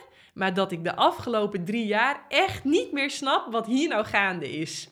Mhm. Ik snap niet meer zo goed. Ik weet wel dat net als uit de tabaksindustrie hebben ze ook heel lang eh, doen laten geloven. Hè? En ook eh, gebruik gemaakt van het twijfel is ons productprincipe. Dus we zorgen gewoon dat, dat, het, dat het publiek in twijfel is. Want iemand die twijfelt, die is manipuleerbaar. Die kan je alles verkopen wat je maar wil. Dus ik zie, ik zie die kracht, die is gaande. Ehm, maar ik zie ook een uit de hand gelopen systeem. Hè. We hebben die hongerwinter gehad. We wilden spek op de botten, kleur op de wangen. Nou, eh, ja, eh, geef iemand dierlijke producten en eh, dan heb je dat al snel Maar het is resultaat. grappig, want het is eigenlijk in de tijdlijn in het klein en in het groot dan hetzelfde verhaal. En daar bedoel ik mee, in het klein is het zo van, ik kreeg letterlijk op zondag een eitje in mijn jeugd en een kaascroissantje. Dus dat associeer ik in die zin ook echt met het goede leven. Ja, met vrijheid, met rijkdom. Hè? Ja. Een man die vroeger, ik bedoel, mijn opa, als die één keer per week vlees mee naar huis kon nemen, nou jongen, dan was hij het mannetje weer. Ja, En Dat is, dat is een uit de hand gelopen systeem. Hè? De- ja het is een soort statussymbool geworden. ja, ja, ja. En, En en, fruit in en het groente- groot, wou ik zeggen, in het groot heb je dus die tijdlijn van 100 jaar, waarin we allerlei supertrauma's als maatschappij hebben opgedaan. En daar zijn ook bepaalde beloningen uit voortgekomen, Ja. waaronder de babyboom en dat we heel Ja. veel melk en koeien hadden. En, ja. dus ik, ik, snap, ik snap de gegevens wel. Ehm, Ja, ik, maar ik weet niet precies, want ik zie nu ook op dit moment ook allemaal weer dingen gaande. Ehm, er wordt nog heel veel geld gestoken in marketingcampagnes vanuit de overheid om jou te doen laten geloven dat kip bijvoorbeeld heel gezond is of dat je af en toe rood vlees moet gaan Ja. eten. En tegelijkertijd zie ik eh, ja, ook verhalen uit dat World Economic Forum naar voren komen dat ze, dat ze juist heel erg iedereen aan de sojaburger en aan Ja, de ja, plantaardige melk willen. Terwijl ik dan nu tegelijkertijd weer een gigantische tax zie aankomen op plantaardige melkproducten en zo. dus idioot, ik, ik, ik, ik moet eerlijk zeggen dat ik nu niet meer zo goed begrijp waar we nu in de geschiedenis zijn en wat ze nu willen. Nee, ja, ik snap er ook niks van. Kijk, wat ik, nou, ik wou zeggen een mooi ezelsbruggetje, maar het is meer een soort eh, koeienbruggetje. Want eh, ik heb ooit geleerd van iemand, hè, en die heeft kanker overleefd en eh, is nu heel gezond. En dus ik dacht, nou, hè, daar kan ik het wel van aannemen. Dus het was eh, iets met vier poten is ongezonder dan iets met twee poten. Dus dat was een soort heel makkelijk voor mij te onthouden van, nou, beter kip dan koe. Nou, die snap ik ook. Alleen we zouden in deze theorie er nog eentje aan kunnen toevoegen. En dat is beter geen poten dan poten. Nee, nee ik zeg eh, alles wat een moeder heeft behalve moeder aarde niet eh, eten. Ja, even doordenken. Ja, ik snap hem. ja, Ja, Ja, en, en, en dan vind ik wel weer, eventjes op terug, even een bruggetje naar de kanker. Ehm, we lullen nu heel lang over voeding, wat ik leuk vind. Hè? En daar kan ik dagen over Ja. lullen. Ik heb er boeken over geschreven. Maar of jij gezond bent en wel of niet ziek wordt, heeft denk ik met veel meer te maken dan met wat je wel en niet eet. En ik denk dat het allerbelangrijkste en misschien wel het meest ziekmakende is wat je kunt doen. Dat is eh, je gedrag niet in lijn houden met wat je echt zelf wil. ja, En dat is ook direct mijn definitie van succes. Succes is je gedrag in lijn houden met wat je echt zelf wil. mooi. En als je jezelf gaat vergelijken met een vat met water. Sommige mensen die denken dan echt van een, een vat met water. Hallo, ik ben Vat toch, hem? ik eh, vat je hem. Ik ben toch wel iets meer dan dat. Dan denk ik, nou, het zit nog best wel dicht bij de waarheid ook. Volgens mij besta je wel voor 60, 70, 80 procent uit water. Maar iedere keer wanneer jij niet je waarheid leeft of niet echt oprecht je waarheid spreekt, dan steek je een mes in dat vat met water dat je bent en dan loopt, loopt je gezondheid er eigenlijk langzaam uit. Dus er is misschien wel iets veel belangrijker voor je gezondheid dan gezonde voeding. En dat is echt ja, oprecht je waarheid leven. Ja. En we zijn vandaag de dag, hebben we denk ik een hele massale ziekte. En dat is dat we constant proberen te voldoen aan de verwachting van een ander. Ja, Dus we zijn de hele dag bezig met pleasen, met eh, zeggen... hey, wat leuk, terwijl we het eigenlijk vet kut vinden. Met zeggen, hey, wat lekker, terwijl we het eigenlijk helemaal niet lekker vinden. mhm. Ehm, ja, en ik, ik heb het idee dat dat ons echt ongelooflijk ziek maakt. ja, En dat er niks zo gezond is voor je vat met water... ja.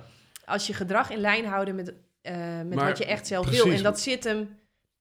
Dat Maar- zit hem in het groot, in het klein, dat zit hem in van alles. Is dat nou jouw kopje of die van mij? Dat is die van jou. Dit Oh ja, dat maakt niet uit, want het is eh, leeg. Maar nee, ja, goed. En, en, en, en ik ben het daar eh, grotendeels eh, eh, opnieuw mee eens. En dat zit er maar ook een beetje in dat ik me heel erg verdiept heb in de enneagrammen. En ik ben Ja. een enneagram type 4, althans. Dat ben je niet, maar dat doe je. Ja. En daar zijn natuurlijk ook weer allerlei... Ik hoor je al zuchten. ja, Maar kijk, ik, ik Ja. gebruik het meer als een soort van... eh, als een soort spiegel waarin ik kijk of iets met mij wel of niet resoneert. Dus het is voor mij niet een zo ben ik nou eenmaal, eh, maar het is voor mij eerder een, ehm, ja, Nou, het is wel een leuk onderzoeken. Ja, het is wel een hele leuke brug, dankjewel. Want ik begon in het begin namelijk over die drie principes. Hè? Ja, En dat ik me zo gefascineerd ben in wat hebben, doen, laten, denken, eten, drinken. Mensen die gezondheid hebben op alle fronten. En als je dat, toen ik dat ging onderzoeken, ontdekte ik dat een heel echt, echt super belangrijk is het hebben van zelfkennis. Zelfkennis. Als je dat kunt koppelen aan zelfbeheersing, ja, dan wordt het echt leuk hier op, eh, op aarde. Ehm, maar zelfkennis, ik denk dat het heel belangrijk eigenlijk eh, is om van jezelf te weten, is wat ben ik niet? ja, mooi. En, en een enneagram, ehm, dat kun je als je dat goed gebruikt, kun je dat helpen, kan je dat helpen om jezelf beter te leren kennen. Maar ik vind het wel, het eh, loert wel een, een, een gevaar, namelijk dat je, dat je jezelf allemaal etiketten op gaat plakken en daaraan Mhm. vast gaat houden. Terwijl, wat ben jij zelf? Ja, je bent een zak met water, met daarin bewustzijn en dat is wie jij bent. En ik ben een type nummer vier, dat is een, dat is een, een etiket. Ja, Dat is een, een hè, Eckhart Tolle noemt dat zo mooi, een, een mooi, een illusoir identiteitsbesef. Dat is nou absoluut wat je niet bent. Mhm. Dat zijn verhaaltjes. Dat zijn eh, dingen die dat boek aan jou vertellen, of dingen die je ouders heel vaak tegen je hebben gezegd, die je zelf heel vaak tegen jezelf hebt gezegd en die je bent gaan geloven. Nou, ik vind wel maar dat de- is niet wie je bent. Ik vind wel de nuance van het enneagram, want we hebben natuurlijk van alles. Hè. We hebben human design, Ja. we hebben numerologie, Ja, we hebben ja. astrologie. Maar human design, of sorry, eh enneagram gaat eigenlijk uit van het principe van als je alle negen bent, dan ben je God. En ehm, ja, het getal wat, wat, wat jij dan speelt, dat is dus eigenlijk je overlevingsmechanisme geweest in je jeugd. En daar wil je feitelijk van af. Dus het hele idee is dat je gaat proeven, als een soort proeverij en al die andere acht. Ik weet niet of ik het zo goed uitleg hoor. Maar het bruggetje was, de vier is de romanticus en Mhm, de ja. individualist. Ja. Er zitten meteen twee dingen in. Een romanticus die toetst vaak dingen niet aan of het logisch of gezond is, maar vooral aan of het leuk is en of het goed voelt. Mhm. Dus ik ben, denk ik wel, als je ervan uitgaat dat ik dat ben, iemand die gevoeliger is voor, nou dan nemen we toch even iets ongezonds, weet je wel, want het, het, het is wel even een sensatie in een verhaal of zo, weet je wel. Dus dat zit erin, maar een individualist is dus ook zichzelf heel vaak centraal aan het stellen. En ik hoor je net zeggen, en daarom kwam ik hierop, ik hoor je net zeggen van, weet je, niet trouw zijn aan je blauwdruk of wat je wil, ja, dat is de grootste roofbouw op je gezondheid. Maar ehm, ik ben van nature eigenlijk heel erg bezig met of ik me goed voel. Eh, bijna tot irritatie toe van mijn omgeving. Weet je wel, van ah, meneer moet weer op zijn manier hoor. Jezus, kan je niet even jezelf ondergeschikt maken? Kan je jezelf niet even... Ja, ja, ja. Hè? En dat... Maar Dat is normaal. We hebben als mens, ieder mens heeft twee gigantische krachten die eigenlijk aan, dat, aan aan jou als mens trekken. Aan de ene kant heeft ieder mens de behoefte om authentiek te zijn. Om te doen wat hij echt zelf wil, om te zeggen wat hij echt zelf vindt, om, om te laten waar hij zich totaal niet tot doet, eh, voelt aangetrokken. En aan de andere kant hebben we allemaal de gigantische kracht om bij de groep te horen. We willen verbinden. En die twee krachten die zijn constant met elkaar in conflict. Ga maar bij jezelf te raden en dan zie je dat dat de hele tijd is waar je tussen aan het wikken en het wegen bent. Ga ik hier nou echt zeggen wat ik echt zelf vind of ga ik me toch schikken? Ja, En dat, dat, dat is wat je nu beschrijft. ja dus het is misschien een hele moeilijke vraag en nog moeilijker te beantwoorden. Maar wat is voor jou het verschil tussen egoïsme en eh, trouw zijn aan jezelf? Een supergroot verschil. Oké, Ja, een supergroot verschil. Een egoïst zegt: Dit is voor mij het beste en het interesseert me niet of dat ten koste gaat van iets of iemand anders. En ik ben ook hartstikke gecent- eh, gefocust op mezelf. Waarom? Ehm, dat kunnen we heel goed vergelijken met dat lege kopje wat we net hadden. Ik zeg altijd: we hebben drie niveaus van leven. Het eerste niveau is overleven. Dan ben je eigenlijk alleen maar bezig met shit. Hoe krijg ik in godesnaam weer wat water in mijn kopje? Mhm.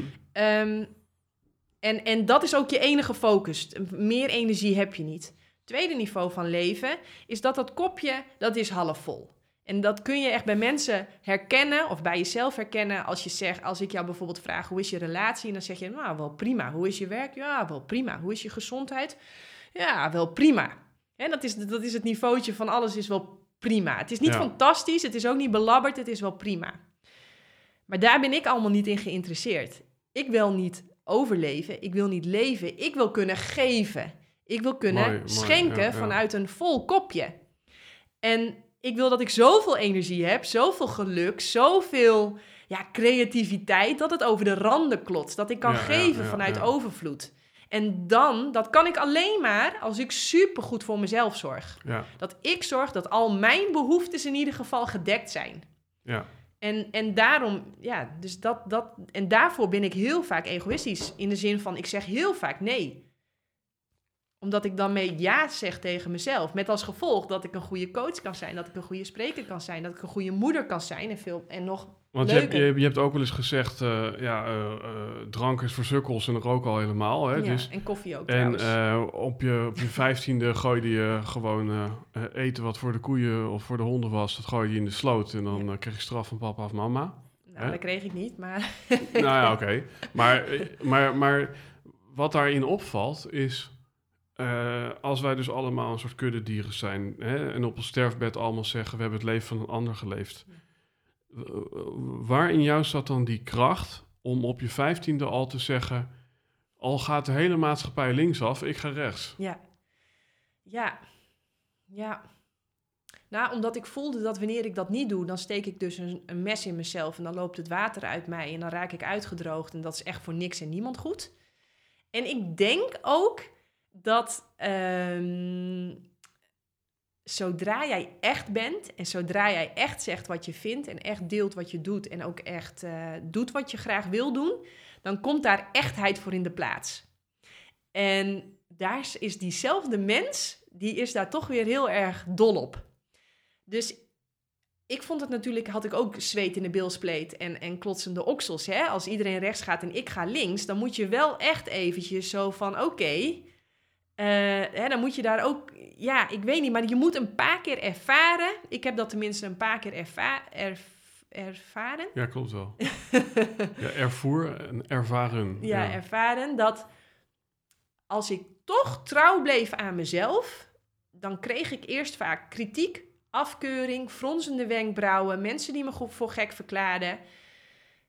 Maar er zijn altijd mooie dingen voor teruggekomen. ja. In Ik- alles. ja, voor mij en is- het belangrijkste, zelfvertrouwen.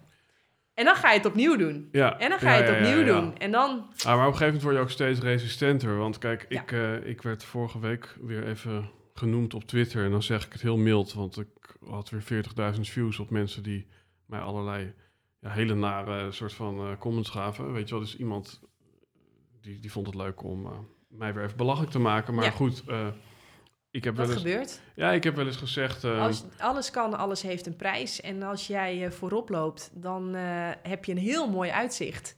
Maar je gaat ook de wind vangen. ja. Daar kom jij nu ook achter. En dat heb ik ook. Nou, ik vond het al een eer dat ik in een rijtje met Tibor en Richard viraal ging op diezelfde pagina. Ja, Want ja. ik denk, nou, dat is toch leuk. Het zijn geen verkeerde namen, weet je wel.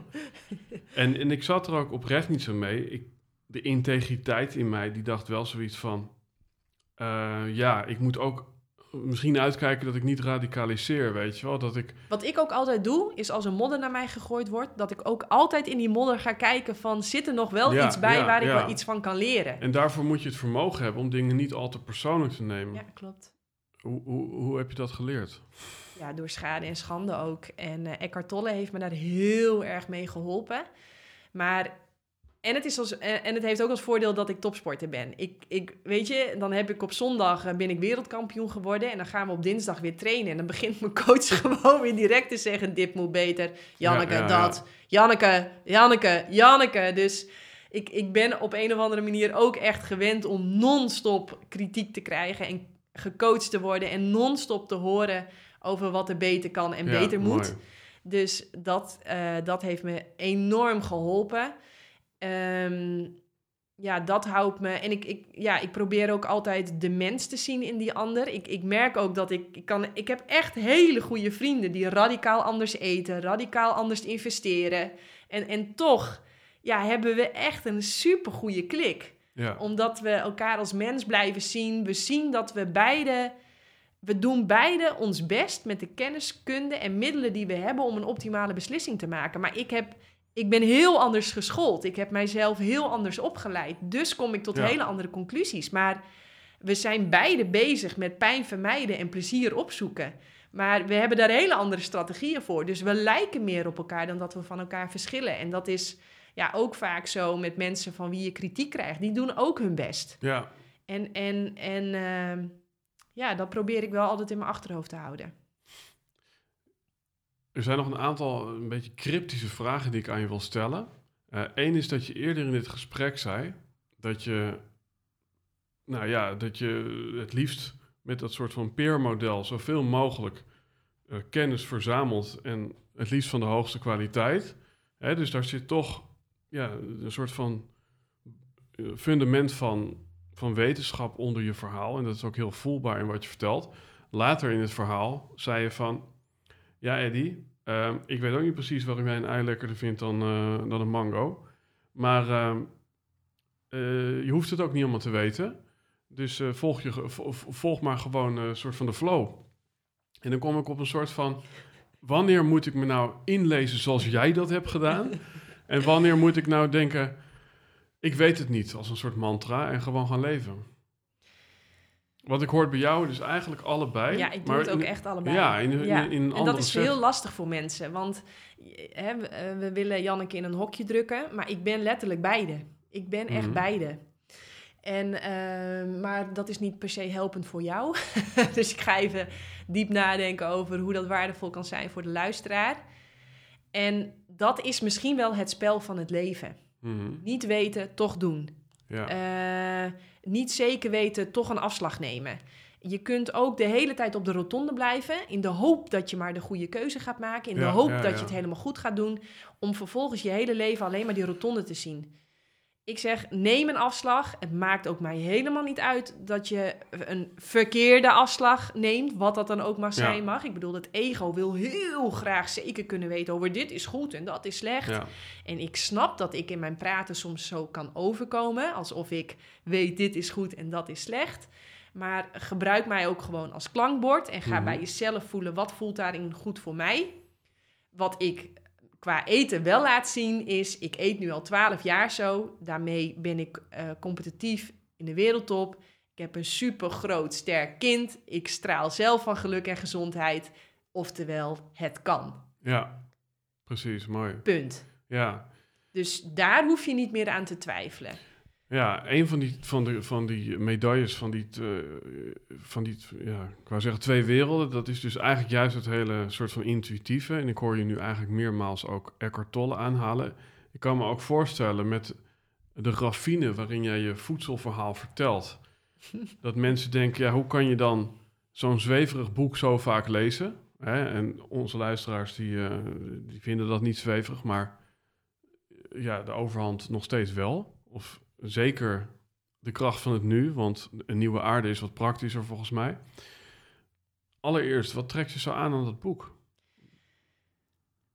Mag ik nog één stapje terug? Want, want jouw, eerste. Ja. jouw eerste vraag was namelijk van... ik heb hier aan de ene kant mijn intuïtie, mijn voelen... maar Ja. ook be- behoeftes en mijn begeertes. En, en, eh, en aan de andere kant heb ik weten. Ja, En ik denk dat je eigenlijk wel altijd mee moet beginnen met het weten. Want als we naar alle grote eh, denkers gaan, alle grote filosofen, alle religies, alle grote spirituele leren, dan komen ze eigenlijk allemaal tot dezelfde conclusie, namelijk ons denken en ons analyserend vermogen is fantastisch, maar het heeft wel zijn beperkingen Mhm. Echt waarheid uitdrukken is super moeilijk. We weten het niet, we kunnen het niet. Eh, waarom? We gaan het proberen met woorden. En woorden hebben altijd weer een ander woord nodig om zo'n woord uit te leggen. Hè? Dus ze zeggen ook wel eens alleen een dwaas wil het laatste woord. Maar ik denk wel dat het je startpositie moet zijn. Dus ik denk, hè, dat is dat, dat, dat, dat doel en die lijnen weer. Dus ik Ja. denk wel echt, want als jij heel veel energie hebt en enthousiasme en passie, maar je koppelt het aan de verkeerde kennis, ja, dan wordt het wel lastig om je doel te behalen. Dus ik denk dat kennis wel echt ontzettend belangrijk is. En dat het ook wel, ja, wat voor diersoort ben je? Ik denk dat dat een hele basale kennis is. Maar vervolgens, en vergelijk dat met roeien. Ik heb Ja. roeien stap voor stap moeten leren. Ik moest eerst mijn benen, dan mijn rug, dan mijn armen en dan weer... Ik heb dat stap voor stap moeten leren. Maar als je na vijf jaar nog steeds aan het roeien bent op de stap voor stap manier, dan weet ik zeker dat je achteraan ligt. Ja. Als wij na vijf jaar roeien met iemand die nog stap voor stap aan het roeien was, dan zeiden we echt letterlijk: kap, god, eventjes Ja. met denken en ga gewoon roeien. Nou ja, kijk, het grappige is dat het hier ook letterlijk nu gebeurt. Van eh 125 afleveringen verder. eh, korter voorgesprek dan normaal. Koptelefoons af. Hè? En dan kom ik eigenlijk op Miles Davis die zei... ehm, you have to play a long time to be able to play like yourself. Yes. En het hele mooie daaraan vind ik dat het eigenlijk drie niveaus beschrijft. Namelijk, een kind speelt niet van blad, want dat kan hij niet. En dat is een rotzootje. Dan krijg je die fase dat je binnen die wetenschap, binnen die lijntjes gaat kleuren. En uiteindelijk dan gooi je de partituur van tafel. Dan ga je weer spelen zoals een kind. Maar vanuit de competentie van een volwassene. Nou, ik eh dank je wel. dat zeg je, dat, maar zo, dat is het. Ja, Je zegt het heel mooi. Ja dus want eh, ik kon het niet mooi zeggen, dus dank je wel. Nee, maar dat, dat is precies wat ik bedoel te zeggen. Dus begin met kennis, begin met, nou ja, jij zei het nog mooier. Als kind heb je lekker gespeeld, dan ga je echt competent worden. Je gaat je echt in iets verdiepen. ja, want je in gaat welke... echt kennis opdoen. Met roeien zit jij blijkbaar in de Miles Davis eh, stoel, want anders was je ook en met niet... voeding eh, inmiddels ook. Ja, Ja. Ja. En dat is het leuke. Er is zoveel fruit, er zijn zoveel planten. Echt, je leven is te kort om alles te proberen. En, maar binnen dat kader, eet waar je zin in hebt. Ja, Doe wat je wil. Play, eh, speel. ja, En, en doe er trouwens ook helemaal niet zo moeilijk over. Vreet gewoon wat en, en that's it. ja. ja, dus... Dus dat was het stapje terug. Dankjewel. Ja, ja, en dan gaan we nu eventjes naar eh, een topsporter die haalt, herhaalt hetzelfde tot bijna vervelend aan toe, vaak.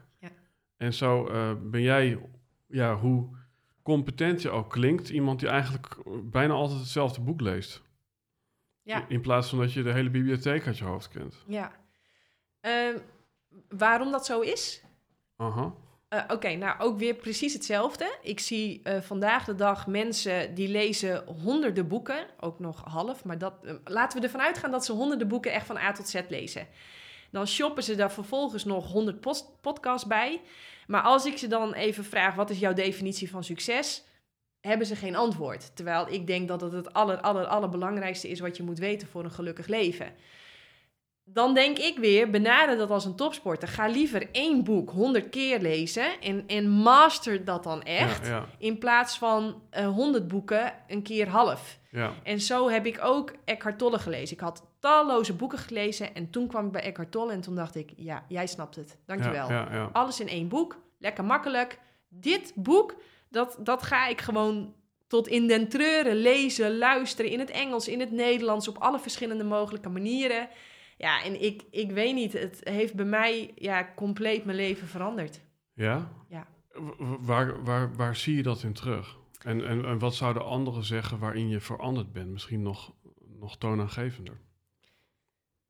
Eh, ho- hoe ga ik dit even nuttig maken voor de luisteraar? Maar wat er bij mij echt gebeurd is, en, en dat krijg ik non-stop terug. Ik kwam laatst ehm, bij een fysio, die had ik jaren niet gezien. ehm, eh, en ik, ik, ik doe daar de deur open en het eerste wat die man tegen mij zegt is... Wat heb jij een rust? En denk Ja, ik, ja, ja, dat is ook ja. precies wat ik voel. Maar dan denk ik, die man die hoeft dat niet tegen mij te zeggen. En het is wel het eerste wat hij zegt. Dus Ja. non-stop ook wat ik terugkrijg. Ehm, ja, rust in mijn hoofd, energie in mijn lijf, productiviteit in mijn handen, vuur in mijn hart. Ik merk dat ik echt, omdat ik niet meer zo zelfbewust ben en de hele tijd met die stem in mijn kop bezig ben, dat ik ook echt kan verbinden met de ander. Ja, ik, ja, ik weet niet. Ik, ik, het, ja, fantastisch. En Is dit antwoord op je vraag? nou ja, nou ja, goed. ik- Kijk, hoe verhoudt dat zich tot het lezen van literatuur over bijvoorbeeld voeding of over sport? En dan zeg ik literatuur, maar dat zijn dan meer zelfhulpboeken. Ik bedoel, want ik heb wel eens gehoord dat je in de auto eigenlijk alleen maar Eckhart Tolle opzet. Ja, ja, klopt. ja, Tot in den treuren. ja. Ehm, wat, wat voor jou als luisteraar slim is om te doen? Nou, het is eigenlijk zo van, je hebt dus dat ene boek die je helemaal opeet. Ja, maar, dat, dat, je gevoel geeft jou dat antwoord. Want ik kan ook niet natuurlijk zeggen dat, dat het boek wat het voor mij is, dat dat ook het boek Nee, is nee, dat- waar dat- jij voelt van ik, thuiskomen. Maar, maar, Maar ik- heb je daar omheen nog dat je echt eh, een soort van heel veel studeert? Ja, ja, ja, zeker. Ja, Ja. absoluut. Absoluut. Ik denk dat niks zo verstikkend is als, als denken dat je de waarheid 100% in pacht hebt. Dus eh, als, als, je, als je wil dat alle liefde ergens uit wordt geramd, zeg dan: Ik weet, ik ken jou al helemaal en ik weet ook al precies wat je wil zeggen. Nou, dat is natuurlijk ah, vreselijk. Dus ik challenge mezelf ook non-stop op ja, nieuwsgierig blijven. En ik ben echt zo'n vrolijke leerling die geen schuld voelt dat ze aan het leren is. Dus ja, ik, eh, iedere keer als je denkt, nou volgens mij heb ik het nu wel uitgespeeld, ja, dan begint het pas. Ja, ja. Nog even een praktische vraag, hè? omdat ik het gewoon zelf wil weten van die hypoglycemie, ja, die is dan ooit geconstateerd. Dat was, ja, jij moet er zelfs om lachen. Sorry, met alle respect. Hè? Ja, ja, oké. Ja. First and foremost, waarom moet je lachen? Nou, hoe ga ik dit eventjes... Mag ik een voorbeeldje noemen? Mijn moeder had zogenaamd familiair hoog cholesterol. Daar kon ze volgens de dokter niks aan doen. En dat had zij en dat hadden al haar zussen. En dat was gewoon hun lot. En, en ja, Mhm. het was gewoon wachten tot daar een broerte aankwam of een hartaanval. Het was Mhm. gewoon, ja, ja, konden we niks aan doen. Vreselijk, vreselijk. Weet je, hoe afhankelijk, passief eh, wil je iemand maken? Een lichaam is de hele tijd met jou aan het communiceren. En een lichaam is ook non-stop bezig om jou in optima forma aan de dag te krijgen. En als dat niet lukt, dan is er niks mis met jou. Je lichaam is ook niet stuk, maar jij bent op een manier je leven aan het leven in al zijn facetten. En één of meerdere facetten daarvan kloppen niet voor jou. En dat is het enige wat jouw lichaam jou probeert te vertellen. Er is niks mis met jou. Er is misschien iets mis met jouw manier van leven. En hoe mooi zou het zijn als dit signaal van jouw lichaam een uitnodiging zou zijn om eens te kijken van... hey, wat, waar, waar moet ik koers wijzigen? nou, ik heb bijvoorbeeld twee dagen geleden ging ik eh, naar de gym in Arnhem. En toen had ik even niks bij me. En ik ging ervan uit dat ze daar misschien wel reepjes hadden of zo. Ik denk, nou, dan heb ik in ieder geval even een, een proteïnebar of zo. Hadden niks. Het was een kleine vestiging. En ik denk, shit, weet je wel. En ik ging dus gewoon sporten, terwijl ik gewoon... En op een gegeven moment werd, werd het hier heel erg zwaar, weet je wel. Het werd gewoon foggy. Ik kon niet meer goed nadenken. Gewoon best wel bijna een beetje dat je echt denkt van holy shit, weet je wel. Dat je een beetje in paniek kan raken. ja, ja, Dus ik zat toen in de auto en toen was het echt zo holy fuck. En dan, ja, dan, dan, dan is het of een, een glas inderdaad jus d'orange, of, of het is juist iets heel hartigs, maar dan gewoon bruut, weet je wel. Dus gewoon, eh, ja, een, stevige pizza of zo, ik noem maar iets stoms. En dan, I'm back, weet je wel. En dan zegt mijn vriendin ook, nou, je bent er weer, weet je wel. En dat, ik kan ook heel snel terugkomen en dan ben ik ook weer hyper energiek. Alleen waar ik dus mee stoei is in hoeverre hè, dat lichaam communiceert, moet ik toegeven aan die enorme behoefte aan suiker. En in hoeverre moet ik gewoon stretchen om te leren om, ja, om wat langer zonder te kunnen. Net zoals dat je in de oertijd soms ook geen eten had. Ja. What's your answer? Nou, ik denk dat we... Zullen we bij het begin beginnen? We zijn opgebouwd uit miljarden cellen. Al die miljarden cellen kunnen maar met een paar dingen hun werk echt goed doen. Suiker, vocht, vitamine C. Even grof gezegd, hè. We gaan dit eh, complexe systeem gaan we nu even lekker Mhm. eh, in Jippe-Janneke taal samenvatten. Ehm, het is zelfs zo erg dat als jij geen suikerrijke voeding tot je neemt, dat je lichaam vanuit vet, en als het echt schrale boel is, vanuit eiwitten zelf suiker gaat maken. Dat noem je ketose. Maar laten we eventjes vooropstellen dat suiker en suikerrijke voeding, zoals fruit, dat, dat is jouw primaire brandstof. Je kunt niet zonder. Dus ik hoop dat ik hiermee de luisteraar heb laten ontspannen. Je mag zoveel fruit eten als je wil. Hoe meer, hoe beter zelfs. Hoe meer van je calorieën je uit fruit gaat halen, ja, hoe gezonder jij zult worden. En, en waar kan dan nog wel diabetes 2 ontstaan? Eh, ja, ik denk dat dat komt omdat we massaal veel te veel vet eten. En vet kun je eigenlijk vergelijken als kauwgom in een sleutelgat. Hè, dus jij eet iets, Mhm. en, eh, maar... Nee, wacht even, we gaan een stapje terug. We gaan het vergelijken met de afwas. Heb je nog wel eens met de hand de afwas gedaan?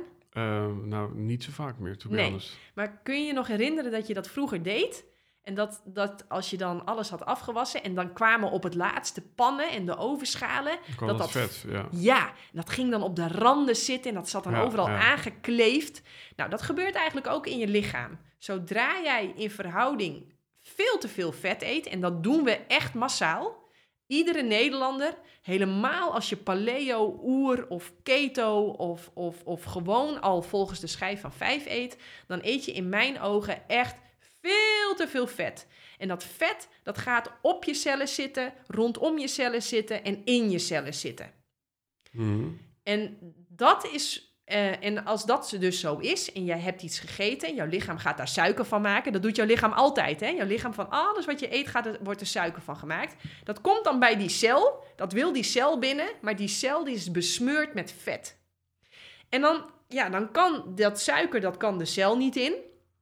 En dat gaat rond blijven stromen in je bloedstroom, op zoek naar een cel waar die wel naar Ja, binnen en kan. diabetes betekent ook de zoete doorstroom in het Latijn. Dat heb ik laatst in de podcast gehoord. Dus ja, here we go. Here we ja, go. Ja, ja. Ja, dus daarom vind ik suikerziekte ook een misleidende naam. Want suiker is niet het probleem. Vet en al die eiwitten, en, maar vooral al die vetten die we vandaag de dag eten, dat is echt een probleem. ja, want de insuline die kan niet aangemaakt worden, dan wel niet, door, eh, niet, niet het suiker bereiken. Is dat het? Nou, wat er, wil je het echt weten? Eh, ja, ja ik, eh, als je zes seconden hebt, want... Nee, ik zit voor jou op de klok te kijken, omdat ik weet dat... we zitten Oh, nu ik een heb uur en een kwartier. Oké. Ik heb alle tijd. Ehm, dat suiker dat is dus aangemaakt door je lichaam. Dat wil die cel in, maar die kan niet naar binnen. Wat gaat je lichaam dan doen? Die gaat insuline aanmaken. En insuline is als het ware een, een, een, een sleutel die zegt tegen die cel... Ja, als we nog langer in deze bloedbaan blijven, dan wordt het echt schadelijk. Hè? Dan krijg je zwarte ledematen of je wordt blind. Die cel die moet nu open, want dat suiker dat moet nu naar binnen. Nou, en dan gaat en dan wordt dat toch nog naar binnen geperst. En dan zit uiteindelijk die suiker zit toch in de cel. Maar ja, die cel die raakt maar voller en voller. Want ja, we vreten veel te veel en bewegen veel te weinig. Niet vanuit kwaadaardigheid. Mhm. Niet vanuit kwaadaardigheid. Dat, is niet, dat doen we niet omdat we dat leuk en lekker vinden. Dat doen we omdat we zo ver verwijderd zijn van onze natuur. Dat, dat is onmacht. Maar goed, dat is een ander eh, gesprek. Ehm, op een gegeven moment moet je lichaam steeds meer insuline eh, aanmaken om die cel nog maar open te krijgen en om dat suiker er maar in te krijgen. En op een gegeven moment is je systeem gewoon helemaal uitgeput. Ja. Zie daar diabetes type 2. En hoe denk ik dat dat komt? Dat heeft voor een deel te maken met dat we heel veel vis eten. Als er iets heel slecht is voor je nieren, is het eten van vis. Terwijl je nieren heb je nodig om je bloed schoon te houden. Wauw. Ja, het is, het, is, het is allemaal gewoon best wel controversieel, weet je wel. Ik bedoel... Ja, maar, Eh, eh, maar- ja, maar mag ja, ik er nog direct ja. op inhaken? Weet je wat voor businessmodel het is? We krijgen iedere week er duizend diabetespatiënten bij. Hè? Dat bombarderen we als chronische ziekte. Dus stel je voor, je kunt iemand al op zijn vijftiende vangen en die redt het tot zijn 65ste. Hè? Dan heb je wel 50 jaar lang, ben je zeker van je klantje. Nou, hoe fijn zou jij het vinden als ik tegen jou zeg, Eddy, we sluiten een abonnement af voor de komende 50 jaar en dan betaal ik je... Snap ik. Kijk, ik, ik snap het in die zin. eh, alleen, ehm, Het is gewoon een businessmodel. ja, alleen dat, dat zeg je heel correct. Want er zijn altijd ook mensen die in een business werken. En ik kan me niet voorstellen dat zeker als een dokter geen commissie krijgt eh, voor het eh, ja, tekenen van jou voor 50 jaar, eh, dat, dat hij dan heel erg graag meewerkt aan, aan, aan eigenlijk het ja, vangen van die rat in het kootje, weet je wel. Dus, dus, dus ik, ik snap het vanuit business oogpunt wel. Ik snap het alleen moeizaam vanuit het gegeven dat ja, de boektitel de meeste mensen deugen, weet je wel. Ja. Bedoel, hè, het, heeft toch een soort Ik- ethische component. Ja, ja, maar de weg naar de hel is geplaveid met goede bedoelingen. ja. En eh, ik denk dat ook de dokters absoluut niet kwaadaardig zijn. Die zijn Nee. maar met één missie dokter geworden. En dus dat ze echt willen helpen. ja. Wat ze vaak alleen niet weten is wie hun opleiding heeft gesponsord. ja. En eh, welke machten en krachten daarachter zitten. En dat, daar kunnen ze ook geen onderzoek naar doen. Nee. Want die studie is zo uitdagend en hun dagen zitten zo ongelooflijk volgepropt. Het is gewoon, eh, ja, die studie doen en dan hopen dat je nog wat tijd over hebt om te ademhalen. Dus nee, ik heb heel vaak het idee dat ze niet in de gaten hebben door wat voor systeem ze zijn gevangen. Mhm. En dat hun goede bedoelingen, ja, ehm, ja, voor het roestige karretje gespannen. Mhm. Dat komt een beetje in mij op. Maar dat is ook niet en- helemaal en- correct. En, kijk, als ik naar mijn eigen business kijk, hè, ik bedoel, dan, dan, dan maak ik het soort van realistisch van. Ja, een vriend van mij heeft lang gezegd dat er een veel beter boekhoudsysteem bestaat. Maar ja, eh, dat is toch telkens niet urgent genoeg. Dus dan blijf je maar doorgaan met dat oude. En ik denk dat we om die reden ook nog steeds in fossiele voertuigen rijden. En zo kan je er een heleboel verzinnen. Omdat ja, toch wel een hele hoop gedoe is om, om te veranderen. eh, en niet gewoon lekker door te tuffen op je oude model. Ja, alles wat je doet weeg je af. Geeft het me pijn of geeft het me plezier? Ieder mens is onderhevig aan die krachten. En we komen vaak pas echt in beweging. Hè? De veranderen geeft ook pijn. Ja. Dus je oude gedrag moet je wel zoveel pijn geven dat het meer pijn doet dan veranderen. Ja. Dat klopt. En ook nogmaals, ik denk ook niet dat dat kwaadaardigheid is. Het is gewoon een onder uit de hand gelopen systeem. Ehm, win, geld is zo belangrijk geworden dat, dat daardoor een paar dingen uit de klauwen zijn gelopen. Ja. Maar als jij dit hoort en je denkt, ja, verdomme, ik, weet je, ik ben al twintig jaar insuline aan het spuiten en er is mij altijd verteld dat ik niet te veel suiker mag eten en je hoort dit nu. Ik snap dat je en mij vervelend vindt, mijn verhaal nog veel vervelender vindt, maar je kunt ook denken van, hé, hey, misschien is er hoop en misschien kan ik eens iets radicaal anders doen voor Ja. radicaal andere resultaten. Een heel klein thema wat ik nog wat je wil aanraken. Ik weet, ik heb net een hele eh, tas vol met fruit en eh, eh, ja, vruchten gehad. Noem ik het maar even. Ja, super, super blij mee, oprecht. Komt van de groothandel. In, in, in hoeverre moet ik erop letten dat alles bio is en niet in ijswater gewassen en niet in de koelkast heeft gelegen? Want ehm, hoe groot, eh, hoeveel parten speelt die component eh, ijswater en koelkast? We gaan ook dit weer eventjes splitten, want ehm, lullen over details als de basis niet staat, vind ik zinloos. Vind Mhm. ik tijdverspilling. Dus ik zeg altijd eerst tegen mensen, zorg dat je op een manier, en I don't care hoe je dat voor elkaar gaat krijgen, maar ga alsjeblieft eerst 10 stukken fruit per dag eten en eet ook één groene smoothie per dag. Ga daar nou eens even mee beginnen. Nou, als je dat een jaar lang hebt gedaan, voel dan even hoe je je voelt. Ja, mooi. En dan gaan we dan weer verder kijken. Want tuurlijk, ik zou het fantastisch vinden als we nu massaal overstappen naar de biologische landbouw. Eh, ik denk dat het beter is voor de biodiversiteit. Ik denk dat het beter is voor de grond. Ik denk dat het beter is voor alles en iedereen. Maar ehm, ja, ik denk dat dat beter zou zijn. Mhm. ja. Maar het is niet altijd en voor iedereen haalbaar om dat te doen. Dus eet nou eerst maar gewoon eens heel veel groente en fruit. En dan, en dan gaan we daarna wel weer inzoomen op... Ja, mooi, eh, heeft het Op in de de vriezer ja. gelezen?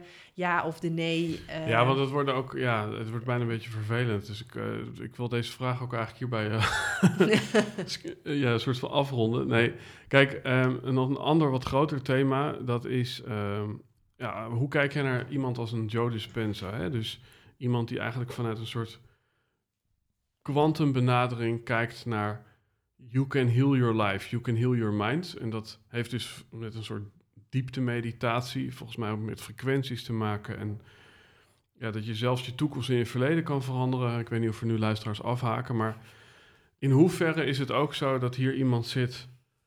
eh, ja, even, even heel erg hypothetisch, hè? maar stel nou dat er een wetenschappelijk peeronderzoek komt... waaruit blijkt dat fruit fucking slecht voor een mens is... Maar dat Die zijn gewoon- er genoeg hoor. Oké, Er wordt al, ik bedoel, waarom denk je dat je het nergens leest? We horen toch non-stop dat fruitvet slecht is en slecht voor je tanden en dat Ja. je er dik van wordt. Maar het interessante vind ik, ehm, in hoeverre is het dus ook de overtuiging dat je goed bezig bent, die je gezond maakt. Ja, ja, ja. Nou, je overtuigingen zijn super belangrijk. Je overtuigingen eh, zorgen, hè, creëren je werkelijkheid. Zo binnen, zo buiten. Dus wat jij denkt is uiteindelijk wat je ziet en wat je wordt en wat je bent. Ehm, maar tegelijkertijd denk ik dat wij allemaal ook een weten in ons hebben wat veel dieper is. Ik bedoel, een koe weet Ja, ook grappig, ja. wat hij echt is. Weet je, als je hem gaat vragen, wat ben jij? Dan zal hij zeggen, "Ja, ik heb geen idee. Maar hij weet van binnen wel, ik moet gras en klaver eten. Ja, En ik denk dat dat ook in ieder mens zit. ja grappig. Want, want dan heb je inderdaad een soort top-level eh, narratief. En daaronder heb je een soort lichaamsbewustzijn. Ja, En, en dan heb je dus ook, bij wijze van spreken, soms van... eh, ja, ik heb dit in mijn jeugd meegemaakt en daarom ben ik nu daar bang voor. Maar dat is eigenlijk weer een top-level verhaal. Maar daaronder zit misschien wel een hele familielijn aan trauma. Ik noem maar wat, weet je wel. Dus ja, en daaronder zit weer, denk ik, een mens die van nature heel vrolijk, heel enthousiast en heel energiek is. Dat is iedereen. Maar ja, we lopen allemaal duikjes op. ja, En dat begint al in de baarmoeder. Maar mag ik nog één ding hierover zeggen? Want wat ik wel heel leuk vind aan voeding, is, ik zei zo straks al, energie is wat het verschil maakt. Je kunt nog zoveel talent hebben, zoveel geld, zoveel connecties, zoveel goede ideeën. Energie is wat het verschil maakt. En eten in overeenstemming met je energie, je gaat dat direct merken. Na een week heb je al meer energie. ja, Na een week. Ja, en dan wordt al dat andere zoveel makkelijker, zoveel leuker. ja, Daar, dat, dat vind ik wel heel erg leuk aan instappen bij voeding. Het is makkelijk, het is praktisch, je hebt het zelf in de hand. Eh, Ja. En tuurlijk ga je honderdduizend uitdagingen tegenkomen. Want je, merkt dat je, je gaat merken dat je aan, aan allemaal dingen verslaafd bent. Je gaat eh, merken dat je op honderd manieren geprogrammeerd bent. Eh, dat gaat allemaal naar boven komen. Maar daarom zeg ik, eet nou gewoon no matter what. Ook die tien stuks fruit in die groene smoothie. En wat je de rest van de dag doet, dat boeit geen reet. En dat, dat gaat al zoveel winst opleveren. Dan wordt de rest echt allemaal makkelijker en Nou leuker. ja, goed, kijk, en ik zit ook af en toe gewoon nog terug soort van te denken naar enerzijds Evenaar en anderzijds een soort van aapcommune of zo. Dan denk ik ook van, ik, ik heb dat schilderijtje niet helemaal helder, hè, maar was dat nou een omgeving waar vooral veel bananen, appels en peren te vinden waren? Of was dat nou een omgeving waar ook vooral, ik noem maar wat, heel veel bieslook, heel veel kropsla en weet ik veel wat te vinden was? Dus meer even vanuit een soort van, ja, als je je omgeving bent en eh, als Ja, we dus ja. volgens die blauwdruk moeten handelen, klopt het dan ook dat er eigenlijk veel meer fruit tot onze beschikking was dan groente? Ja, ja, ja, ja, ja, ja, ja, ja. Groente is toch ook helemaal niet te vreten? Nee, Het is echt niet lekker. nee, Nee, het is je medicijn. ja, Ik zie heel veel health freaks de bietenbult op gaan, omdat ze de hele dag groente vreten. En dan vinden ze het gek dat ze helemaal opgezet zijn. Dan vinden ze het gek dat ze de hele dag scheten laten. Je maag is er gewoon te klein voor. We zijn geen planteneters, we zijn geen groenteeters. ja. We zijn fruiteters. En ik vind het ook wel mooi eh, als je dan inderdaad op een gegeven moment bevlekt bent met allerlei verhalen. Ja, En dan denk ik even aan de dochter van mijn vriendin, die is nu drie. En dan neem ik altijd framboosjes mee, want zij haalt bij Hofweb... eh, van blijtjes moet jij ze noemen. nou ja, maar dat, dat is ongeveer hetzelfde, want dat wou ik zeggen. Maar bij Hofweb, dat is zo'n webshop, Ja, ja, ja. daar heb je natuurlijk niet alles, omdat het seizoensgebonden is. Maar ja, goed, ik haal dan van de Albert Heijn eh, gewoon wel framboosjes. En dan zegt ze, ja meneer Eddy, het is echt heerlijk hè. Het is echt heerlijk. drie jaar, het wordt heerlijk. Van, Ja, ook ja, mijn dat ook dochter al. van, die zei bij anderhalf jaar, heerlijk. Heerlijk. Dus ze zeggen dat. Ja, Ja, en dat vind, ik, waarschijnlijk. dat vind ik wel heel grappig, want, want zo'n kind heeft denk ik dan ook een heel zuiver waarnemingssysteem. Hè? Want ja, die zijn niet helemaal, ja, eh, die, die weten van het bestaan van, van chips niet eens af, want dat krijgen ze nooit, weet je wel. Dus ja, dat vind ik wel mooi, om in ieder geval te kijken van, nou ja, gewoon meer van... Ik zou zeggen, neem haar mee. Zet haar in een kamer. Zet aan de ene kant een schaal met allemaal fruit. En zet aan de andere kant, leg daar bijvoorbeeld een vis neer. Of, of, of een eendje. En ga dan kijken wat het gaat opeten. Ja, Nee, het gaat met de dieren spelen en het fruit gaat het opeten. ja. En hoe verhuid... Terwijl, nu gaan we hetzelfde Ja. doen, hè? Nu gaan we een babyhondje in diezelfde kamer zetten. Dan zetten we hier een bak fruit neer en daar zetten we een kuikentje neer of een vis. Ja, Nou, een hondje, het hoeft nog maar vier weken oud te zijn. Het neemt misschien drie blauwe bessen, een framboos en een braam. En dan is het, en dat, dat doet het pas na af- afloop, hè? Want voordat je het weet, heeft dat eentje al zijn, is zijn nek omgedraaid.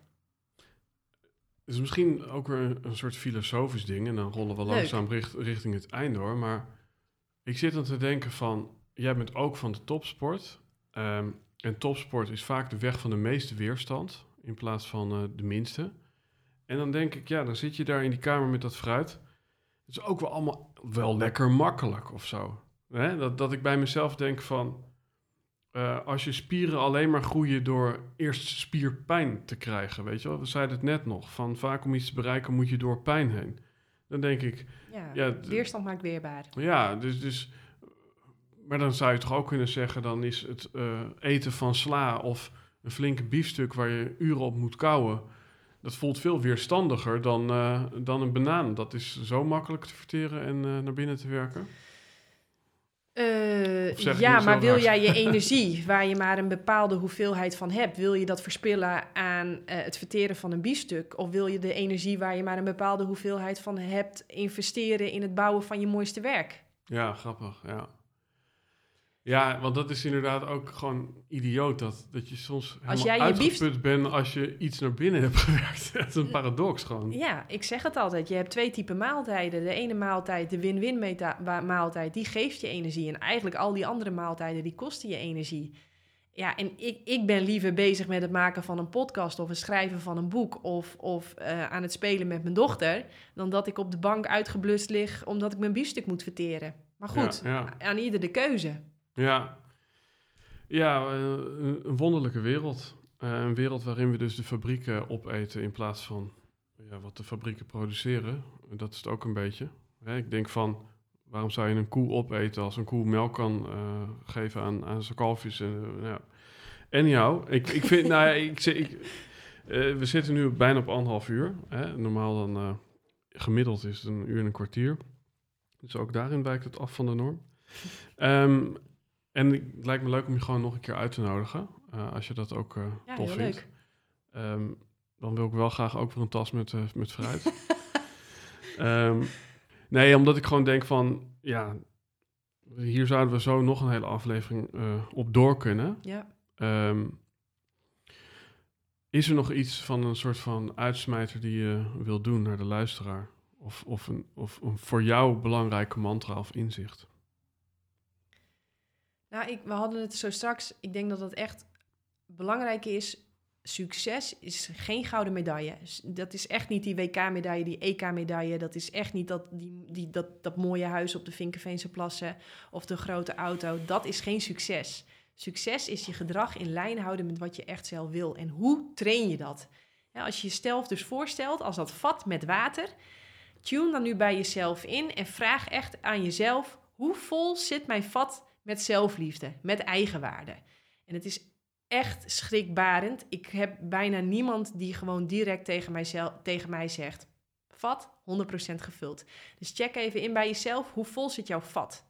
Maar iedere keer als jij jezelf iets ziet doen waarvan je denkt: yes, dat is precies zoals ik het met mezelf had afgesproken. Leg dan je handen op je hart en zeg dan ook echt even tegen jezelf: Lekker gedaan, Eddie. Zie goed gezien, Eddie. Lekker gedaan. En dat is een hele makkelijke, simpele tool om dat vat echt binnen no time vol ja, te want, krijgen. want dan zitten we eigenlijk in het laatste thema wat ik nog niet eens gezegd had, maar dat is dankbaarheid eh, versus mopperen. En je zegt in een andere podcast, je bent of dankbaar of je bent het mopperen, maar je kan het nooit alle twee tegelijk doen. Ja, maar zorg, zorg, ga jij nou niet op die ander focussen, maar focus je echt de komende maand alleen op jezelf. En iedere keer als je weer direct uit bed stapt als die wekker gaat, lekker gedaan Eddie, lekker gedaan Janneke, hop, schep je in dat vat van eigenwaarde. Heb je dan vervolgens zin in een tosti of in een bak met koffie, maar je gaat toch weer die groene smoothies maken, want dat kost moeite hè? En je doet het toch, dan zeg je weer even lekker gedaan. Of als je je collega een compliment geeft. Of tijdens de meeting vind je doodeng, maar je spreekt je toch uit. Of er wordt naar je mening gevraagd. En Ja. je wil, je staat op het punt om een politiek correct antwoord te gaan geven. Maar je gaat toch echt zeggen wat je ervan denkt. Dan ga je echt iedere keer even jezelf een schouderklopje geven. Nou, dat, dat, dat gaat je echt een ander mens maken. Super mooi. Ehm, is er één plek waar je de luisteraar naartoe wil verwijzen? Eh, op jannekevandermeulen.nl, dat is de enige plek waar je mijn boek kunt kopen. En naar de groothandel. Dat zou leuk zijn. Het zou Gaan leuk zijn als, als de dag na de aflevering alle luisteraars bij jou in de groothandel staan om als eerste het lekkerste fruit te kunnen pakken. Ja. Ehm, volgens mij wil je dat helemaal niet, want dan, je hebt wel eens Jawel. ook gezegd, nou je hebt wel eens gezegd dat hoe later je komt, hoe minder er is. En als nu iedereen komt, dan... eh, Nee, nee, nee. Maar hoe meer vraag, hoe meer aanbod. Ik heb ook wel eens het idee dat sinds ik mijn verhalen over Kima aan het delen ben, ik zelf altijd achter het netvis. altijd de Kima uitverkocht bij de Ecoplaza. Maar nee, echt totaal niet. Ga mee. En uh, ik neem ook bijna altijd iedereen, iemand mee. En uh, hartstikke welkom. Nee, leuk. Superleuk. Um, voor de luisteraar, als je wil meepraten over deze aflevering, hashtag Helden en Hordes op alle mogelijke kanalen. Verder komen er een aantal hele mooie reels van deze aflevering op Insta. En die gaan waarschijnlijk collaboraten. Dus dan nodig je mij als bijdrage. Ja. Dus volg ons allebei. En als je er één volgt, dan volg je ons ook allebei. Dus dan krijg je het ook. En wil je meer uitleg over het win-win dieet, zoals ik het noem? Ik heb zelf ook die podcastshow, een podcastshow, de Win-Win podcast. En ook in mijn boeken leg ik echt alles stap voor stap uit. Ja, ik zit te denken, ik, ik heb laatst eentje met Jordan Peterson gehoord, maar dat is dan eigenlijk de Wind-Wind podcast. Want die heeft het alleen maar over vlees eten en, uh, en pasta en zo. Ja. ja. um, Oké, Win-Win podcast, zeker ook eventjes checken. Vergeet ook zeker niet te abonneren. Vergeet ook zeker niet even vijf sterren te geven op Spotify. En dan zien we elkaar gewoon heus wel nog een keertje. Ja, heel leuk. En dan uh, wens ik de luisteraar uh, ja, een lekkere maaltijd met heel veel... Wat zijn een bijzondere fruitsoort? Zonder vrijsoort. Ja. Oh ja echt, erg fan Check even mijn Instagram. Heb ik allemaal reels over gemaakt. Alright. Yes, dan laten we hem hierbij. Dankjewel. En tot de volgende aflevering. Dankjewel.